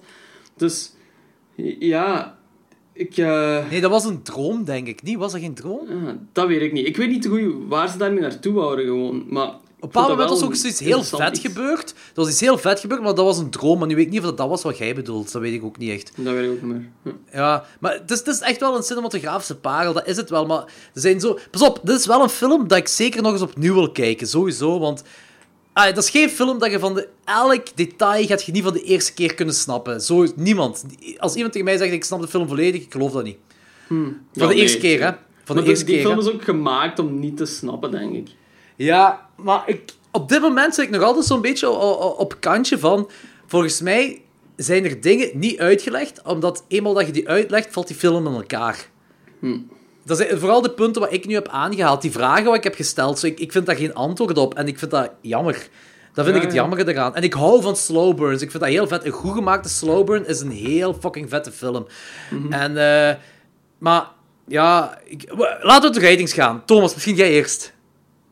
Mm, ja, ik probeer wat af te wegen met de, de vorige, de Village, maar het punt is, ja, deze heb je de eerste keer gezien, de andere de tweede keer. Dus het is, het is wat moeilijk om Ja. paraal, maar ik, 7 of 7,5, ik zit er zo tussen te, te hangen. Mm, Ik denk als ik hem opnieuw zie, omdat je zegt, zou hij beter worden? Ik weet het ook niet. Hij is heel traag, zoals typische Scandinavische zaken. Het is voor mij ook soms iets meer een dramafilm dan echt een, een horrorfilm. Omdat het ene, het ene verhaal is echt de verwerking van, van de dood van uw kind. En, dan... en, en dat zijn ook niet per dramafilms, zijn niet altijd films die je vier, vijf keer wilt bekijken. Omdat die eerste emotie wordt altijd wat zwakker, omdat je dat allemaal al, al weet. Dus puur op, op, op, op mm, ik ga een 7 geven, sorry. Omdat ik misschien ook wat hoge verwachtingen had door de enorme buzz. Ja, nee, nee, ça va, ça va. Dat is een goede rating, 7. Ja, ja ik, ik ga me daar eh, mee aansluiten. Gaat het? Alles oké? Ja, ja, va. sorry, sorry, sorry. Oh, ja. Oké, het is lang geleden dat we zo'n keer hebben gehad in de aflevering. Ja, dat is waar. Alright. Eh, ik geef hem ook een 7 gewoon. Maar ja, ik heb mijn punt wel een beetje gemaakt van. Ik vond het een heel boeiende film, maar er waren ja, narratief gewoon te veel vaagheden nog in. En ik kon gewoon niet volgen. Dat is het ding. Ah, misschien, ja, ik kon gewoon niet volgen. De film is ook gemaakt om niet te volgen. En dat, ja, dat frustreert u als kijker ook wel. Eh, ik heb in het algemeen ook gewoon graag wel zo'n afgerond verhaal. En dat heb ik hier, ja, op zich wel, maar... Maar ook niet. Maar ook niet, ja. Dus er zit zoveel frustratie in, maar ik vind het gewoon een heel boeiende film wel. En, ik, ja, visueel vond ik het echt ook echt heel cool. Ja, dus, eh, ja, een 7, ja. Ja, ik, visueel vind ik, dat, dat is, ik, gelijk eerder zei, de cinematografische parel. En ik vind dat heel vet dat dat in een, een, dat is een, een setting dat je niet gewoon bent om te kijken. En dat vind ik ook heel gaaf. Dat vind ik super cool dat we zoiets zien. Maar eh, dus, door dit gesprek is deze film wel gestegen voor mij. Dus ik had hem eerst een 5 op 10. En nu zit ik toch wel ergens tussen een 5,5 en een 6. Niet zoveel. Maar kijk, het is gewoon... Nee, maar ik- toch, maar toch. Kijk, ik heb zoiets van... Ik heb nog altijd het gevoel dat er heel veel dingen open zijn gelaten, gewoon omdat de makers zelf niet weten waar ze naartoe willen gaan. En eh, omdat de film in elkaar gaat eh, vallen als het eenmaal uitgelegd wordt. Ja. Denk, en dat is, ik zeg, dat is puur wat ik denk. Eh, ik, Ik denk... twee... Ja, sorry. Ik, ja, denk ook wel dat de film zou kunnen stijgen bij elke keer dat ik hem zie. Ik denk dat ik... Allee, ik hoop het ook gewoon. Ik hoop gewoon dat, dat ik meer... Dat er kleinere details zijn wat de, wat de maker erin heeft gestopt, waar je pas bij rewatches kunt zien, waardoor andere dingen wel gaan kloppen. Waarom is de geest van Catherine eh, niet eh, de, de- naar de dokter gegaan eh, om om te zorgen dat zij ook closure heeft. Zo van die dingen, zo van, waardoor de film beter zou kunnen werken. Zo, ik, ik hoop dat ik zo van die dingen nog ga vinden bij een rewatch, want ik ga hem sowieso wel opnieuw kijken. Ik vond, Ja. ik vond hem interessant. Het is een slow burn, maar ik vond hem interessant genoeg om nog eens opnieuw te kijken. Maar ik kan hem niet mee... Ja, 5,5, 6, daartussenin zit ik ergens. Wat op zich niet een heel slechte rating is. Maar ik had gehoopt, vooraleer die film in zou gaan, dat dat echt wel een, een 8 op 10 voor mij zou zijn. Dus dat was een beetje een teleurstelling voor mij. Maar. Wat denk je dat je eh, Danny geeft? Je moet hem niet per se bellen, maar gewoon wat denk je? 9,5 op 10. Wat? Denk je dat Danny een 9,5 geeft? nee, nee, nee, nee, nee, nee. Dat die, dat die, Ik denk dat weet, Danny hem ook wel een, 8 of zo, een 7 of een 8 of zo gaat geven. ik denk dat Danny een 8 zou geven, eh, omdat die atmosfeer is. Danny heeft sowieso wel een, een, eh, een, eh, zwakte voor films met geesten, denk ik ook. En paranormale dingen. Paranormale dingen. En dingen ambigu laten, ehm, dat, dat, dat is voor Danny ook het van het, denk ik. Eh, maar ik denk dat Danny heel hard zijn mee- gewoon ja, ja, ja, ja. Ja, voilà. nee, maar ik denk wel dat Danny hard mee zou zijn met deze film. Dat denk ik wel. Die gaat hem niet volledig begrijpen van de eerste keer. Niemand, Niemand, denk ik, dat hij van de eerste keer volledig begrijpt. Maar ik denk niet dat dat voor Danny veel gaat uitmaken. Ik denk niet dat, dat Danny dat erg gaat vinden.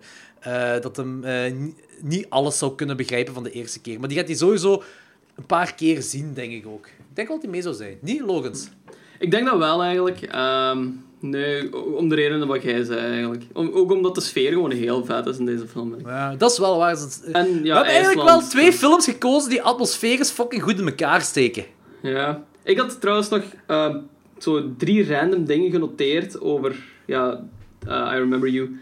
Wat, een van de dingen is ehm, als de dokter naar zo de kamer gaat van zijn zoontje, daar opnieuw naartoe gaat.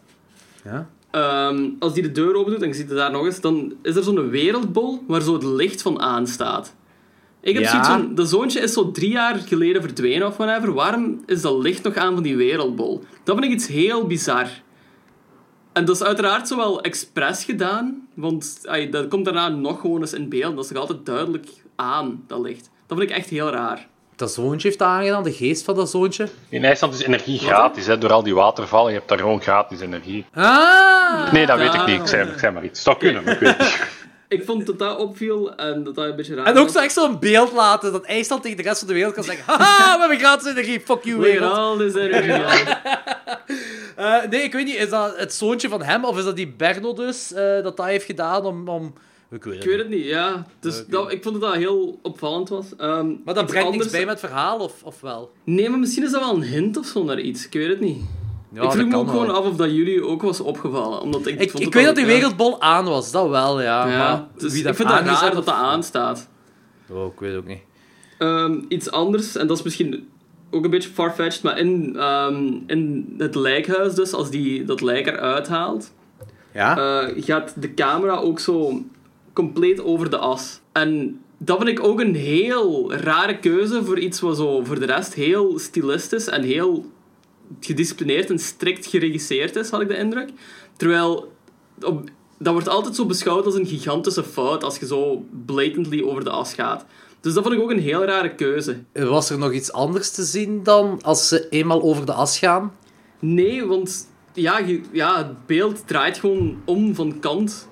Ehm, dus... Ja, ja, ik snap het wel, ze, maar Ja, ik ja, bedoel, dus dat is eenmaal aan de andere... eh, aan Nee, de voor de, rest, voor de Ah. rest is daar zo niks extra te zien. Het is gewoon, dat wordt gedaan en ik vraag me af waarom. Ik denk dat ik gewoon de Blu-ray, eh, de, de, de, bij de Blu-ray de, de audio commentary van de, van de regisseur ga luisteren. Want Ja. daar gaat hij sowieso iets over zeggen als, als, als dat aan beeld komt. Want ik vond dat echt...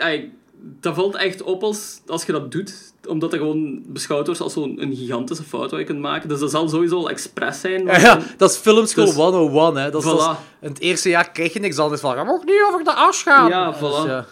En het derde wat ik heb is dat zo de kleur niet groen, maar echt zo appelblauw zeegroen echt overal terugkomt. Maar IJsland is appelblauw zeegroen. Ah, dat is de kleur van IJsland. Ja. Daar ben ik. Nee, want ey, ehm, als die kerel gaat joggen, komt die, ja, en zo die oude vrouw met dementie tegen in ehm dat kotteke daar. En zelfs op dat kotteke waren echt zo verschillende tekeningen, een graffiti gemaakt in de kleur appelblauw Ja, dat is waar. Maar over, ik weet niet wat die kleur betekent, maar over die bootdingen heb ik nog een vraag van die oude vrouw, Ursula is dan zeker, denk ik, die zegt daar... Ehm, ik was de laatste die uh, die kerel, eh, die, dat jongske, heeft zien weglopen toen in de tijd. En dat was hier in de boot. Ik heb dat nooit tegen iemand gezegd. Ah, ja, en ze hebben zoveel nadruk erop gelegd. Maar voor de rest, wat betekent dat? Ja, dat weet ik dus ook niet. Want dat was zo van... Hij, zij, eh, zij schaamde zich daar echt voor, hè. Zo van, ja, ik was de laatste en ik heb dat altijd geheim gehouden. Ik heb dat nooit tegen iemand gezegd en bla, bla, bla, bla, bla, bla, bla, bla. Eh, maar ik heb zoiets van, ja, en dan? Ze hebben dat Wat jongetje dat? weggepest en dat jongetje is verdwenen en dan gestorven. Ze zullen zich wat schuldig hebben gevoeld. Hè? Het is eigenlijk gewoon dat jongetje Ja. is verdwenen en dat is nooit uitgeklaard. Maar zij wouden, ik denk als je jong bent, een kind, en als ze dan beslissen van dat niet te zeggen. Nou ja. Ja, en zij dacht ook misschien van, het is beter als die jongen weggaat, omdat hij nu een kut leven Ja, heeft. ja. Maar achteraf is dat wel zijn dood geworden. Zijn dood geworden dus. Maar hoe is hij nu weer gestorven? In dat huis. Door in die... Ja. Ja, in dat huis, ja. Ik weet ook niet hoe dat die gestorven Ja, ja, is. maar precies. hoe die is is die daar terecht gestorven? gekomen, maar... Wordt dat uitgelegd ergens? Ik kan me dat niet herinneren. Ik kan me dat Ja, die ligt daar in die kelder, dat weet ik. Ja. Dat is het eerste dat ik weet. Ja, En die- waarschijnlijk op dezelfde manier als die vrouw dan, maar wat is dat? Hm, ontbering. Gewoon zo depressief zijn dat je niet meer eet. Ja, maar die, die- dat jongske, dat was niet depressief, toch? Of wel? Ja, misschien Ja. wel, door dat pesten. Ik weet niet. Misschien Dat is- compleet Zie je, dat zijn zo van die dingen zo ja. van, dat ik zoiets heb van, dat is veel te ambigu. Eh, dat is zo, ik, ik weet niet, ik vind, ik, ik vind dat een beetje, ah, ik, ik, buh. ik, ik, ja, ik ben, ik ben echt helemaal niet volledig mee met die films. Eh, Nee, door nee. zo van die dingen, door zo van die dingen dat ik zoiets heb van, kijk, je moet het mij niet eh spoonfedden, echt niet, hè. Ik wil het gerust op mijn eigen allemaal vinden, maar laat het dan wel hintsachtig of zo in de film. En het kan zijn dat daarin zit en dat bij Rewatch wel mogelijk is, maar dat lijkske ligt in die kelder, maar voor de rest, als jullie het ook niet weten, hoe, groot is de kans dat dat effectief in de film steekt dat we weten hoe die sterft? Ja, goed punt. Ik, ik vind het ook een moeilijke film, maar ja, ik ben wel gefascineerd. Ik vind, ik, mijn, mijn, mijn, eigenlijk, het, eh, hetgeen wat ik het ergste vind, is dat, dat het komt erop neer, nog altijd, buiten uw setting, is dat nog altijd een cliché ghost verhaal, want je hebt uw geest, een klein manneke, dus een klein kind dat een geest is, dat eh, eh, zijn ziel gered moet, we- moet worden om dan eh, ergens in de hemel of whatever te gaan. Whatever. Zo, da, da- daar komt het zo wat op neer. Dus je hebt een cliché ding. Dan wil ik een zotte payoff hebben. En ik heb niet eens een payoff. Ik, ai, ik heb geen climax. Ik heb niks op laatste. Ja, dat snap ik wel. Ja, het is, het is een frustrerende film in het algemeen. Dat vind ik heel jammer. Maar je zou, ai, het is niet echt dat dat een climax of zo moet geven. De film moet vooral rust brengen, denk ik. En, en langs de ene kant brengt het rust, maar langs de andere kant brengt het inderdaad gewoon meer frustratie mee. Dat, ik vind dat wel boeiend. Ja, boeiend is zeker. Je zit, je zit zeker. een hele actieve kijker eigenlijk erdoor, want je kunt, kunt goed niet anders. Het is Nee, het nee, maar IJsland. van, eh. die, de gevoelens die de personages hebben in de film worden ook goed mee overgedragen naar de kijker hierin, vind ik. En ik vind het wel indrukwekkend als je dat kunt doen. Ay, voor mij toch al sinds. Ja, dat wel. De perso- eh, personages zijn eh, veel beter geschreven dan in The Village. Veel beter. Dat wel. Dus je, je hebt meer voeling met personages. Dat, dat wel. Want toen, want toen eh, Catherine ontdekte dat eh, die ene zwanger was van, zijn, van haar eigen lief, toen voelde ik ook wel mee met Catherine. Zo. Ik vond het ook echt wel erg voor haar. Zo van, Ja, er zijn ja. gevoelens dat je gewoon... Je weet niet wat je moet denken op dat moment. Omdat hij daar dood, bij, bijna dood ligt met die kleine daar, maar dat is wel door bedrog. En dat, is, dat, dat vond ik wel cool. Maar ja, het is, het is een moeilijk... Weet je wat ik bedoel? Luisteraars, kijk die film en laat weten aan ons wat jullie ervan vinden. Daar ben ik echt wel curieus achter, want Ja, weten ook. jullie wat wij ervan vinden, maar laat ons weten wat jullie ervan vinden. Eh, ik weet niet of iemand nog iets toe te voegen aan deze film. Ja, ik denk als luisteraars hier geraakt zijn, dat ze wel heel het punt al kennen. Dus. ah ja, dat is waar. Maar toch, kijk hem. Ja, kijk hem toch! en, eh, en, en laat het ons weten. Eh, Oké, ehm, voor de rest, eh, de, deze was aflevering 54, denk Ja, ik. 54. Ja, Ja, 54. 54, 53. Denk Ja, dat- 54. Ja? 54.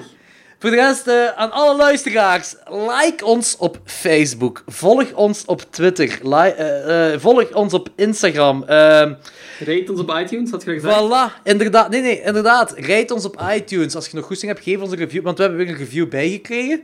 Keigoed. ik, ik heb nu geen idee meer wat erin zat, maar het was eigenlijk heel positief. Ja, het was alleen maar positiviteit, dus dat was cool. Gaan we de, gaan we de iTunes review zeggen? Nah, dat- ik vind Nee. dat zo'n beetje... Ja. Raar. Luisteraars, zoek het zelf op en zet er nog een review Voilà. bij. En een rating. Upsa. Eh, voor de rest, we hebben allemaal letterboxd. Mij vind je onder Jordi Ostier, oftewel Shammy87. Logans onder Logans Bungeneers. Danny onder Danny Grondelaars. Of was er nog iets dat je hem kon vinden? De letterboxd? Nee, ik denk gewoon Danny. Ja. En Thomas, hoe kunnen ze u vinden op letterboxd? Edited by Thomas. Edited by Thomas, voilà, check hem.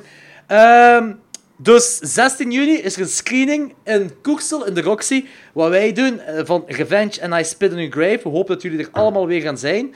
Ehm, voor de rest, volgende week. Ik heb nog geen idee wat we volgende week gaan doen. Maar Jonas Schovaars heeft mij juist gestuurd dat Ah, hij 15 juni wel met ons kan opnemen. Dus 15, dat is, dat is tof om de luisteraars om te weten nu. 15 juni gaan we de Evil Dead franchise opnemen met Jonas Schovaars, die dan de week daarna uitkomt. Eh, en de week daarna gaat onze review van Revenge I Spit in Your Grave uitkomen. Het enige wat we nog niet weten is wat we volgende week gaan doen. Thomas, dikke merci dat je deze zou doen met ons. Eh, ik hoop dat je een beetje geamuseerd hebt. Het was zoals altijd een eer. Ah, dankjewel, dankjewel. Heb jij nog iets om te pluggen? Eh, ik boven natuurlijk MV, ik ben blij met jullie recensie. Ik heb ook onder- ondertussen al wat andere recensies gehad op websites. Ik vind het allemaal heel plezant. Het is natuurlijk geen horrorfilm, dus het paste niet helemaal binnen jullie ding, maar het was toch heel leuk. Zeker omdat het naast Muil mocht zijn. Eh fantastische film. Het budget is maar 300 keer zoveel, maar het is toch heel leuk. Eh, mijn tweede kortfilm is ondertussen klaar. Ik ben nog een beetje aan het kijken voor een venue voor de, de wereldpremière.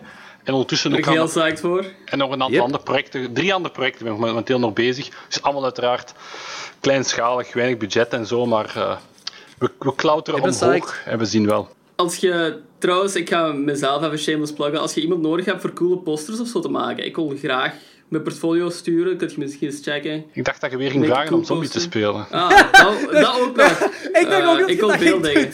zoveel afleveringen heb jij gezegd... Man, ik wil nu ergens dat iemand mij vraagt om een zombie te spelen of wel om te sterven onscreen. Eén van de twee dingen. Dat is niet zoveel gevraagd. Bucketlist tot twee zaken in het groot op uw kamer op de muur staan. Die eh, zombie. Die Hupsa. Eh, nee, is cool. We kijken wel echt, echt legit uit naar je andere projecten, Thomas. Eh, ik denk wel dat iets cool gaat worden. Ik heb vertrouwen nu. Thanks mannen, thanks mannen. Gul zit ook goed bezig. Ik ben blij met jullie eh, extra visibility. Mede, misschien een klein beetje door Sanne de Rijken, maar toch, het is geweldig om te zien. Wij dat denken, je groeit wij bent. eigenlijk, we denken dat we dat volledig zelf gedaan hebben. Ehm, Die duizend luisteraars voor één aflevering, sowieso dat aan ons ligt. Nee, ik ben heel blij dat, je, dat er meer mensen luisteren en zullen sowieso blijven luisteren. Daar ben ik zeker van. Ah, zo cool zijn, zo cool zijn. Thanks man. Goed, merci en uh, tot volgende week. Alright, ciao.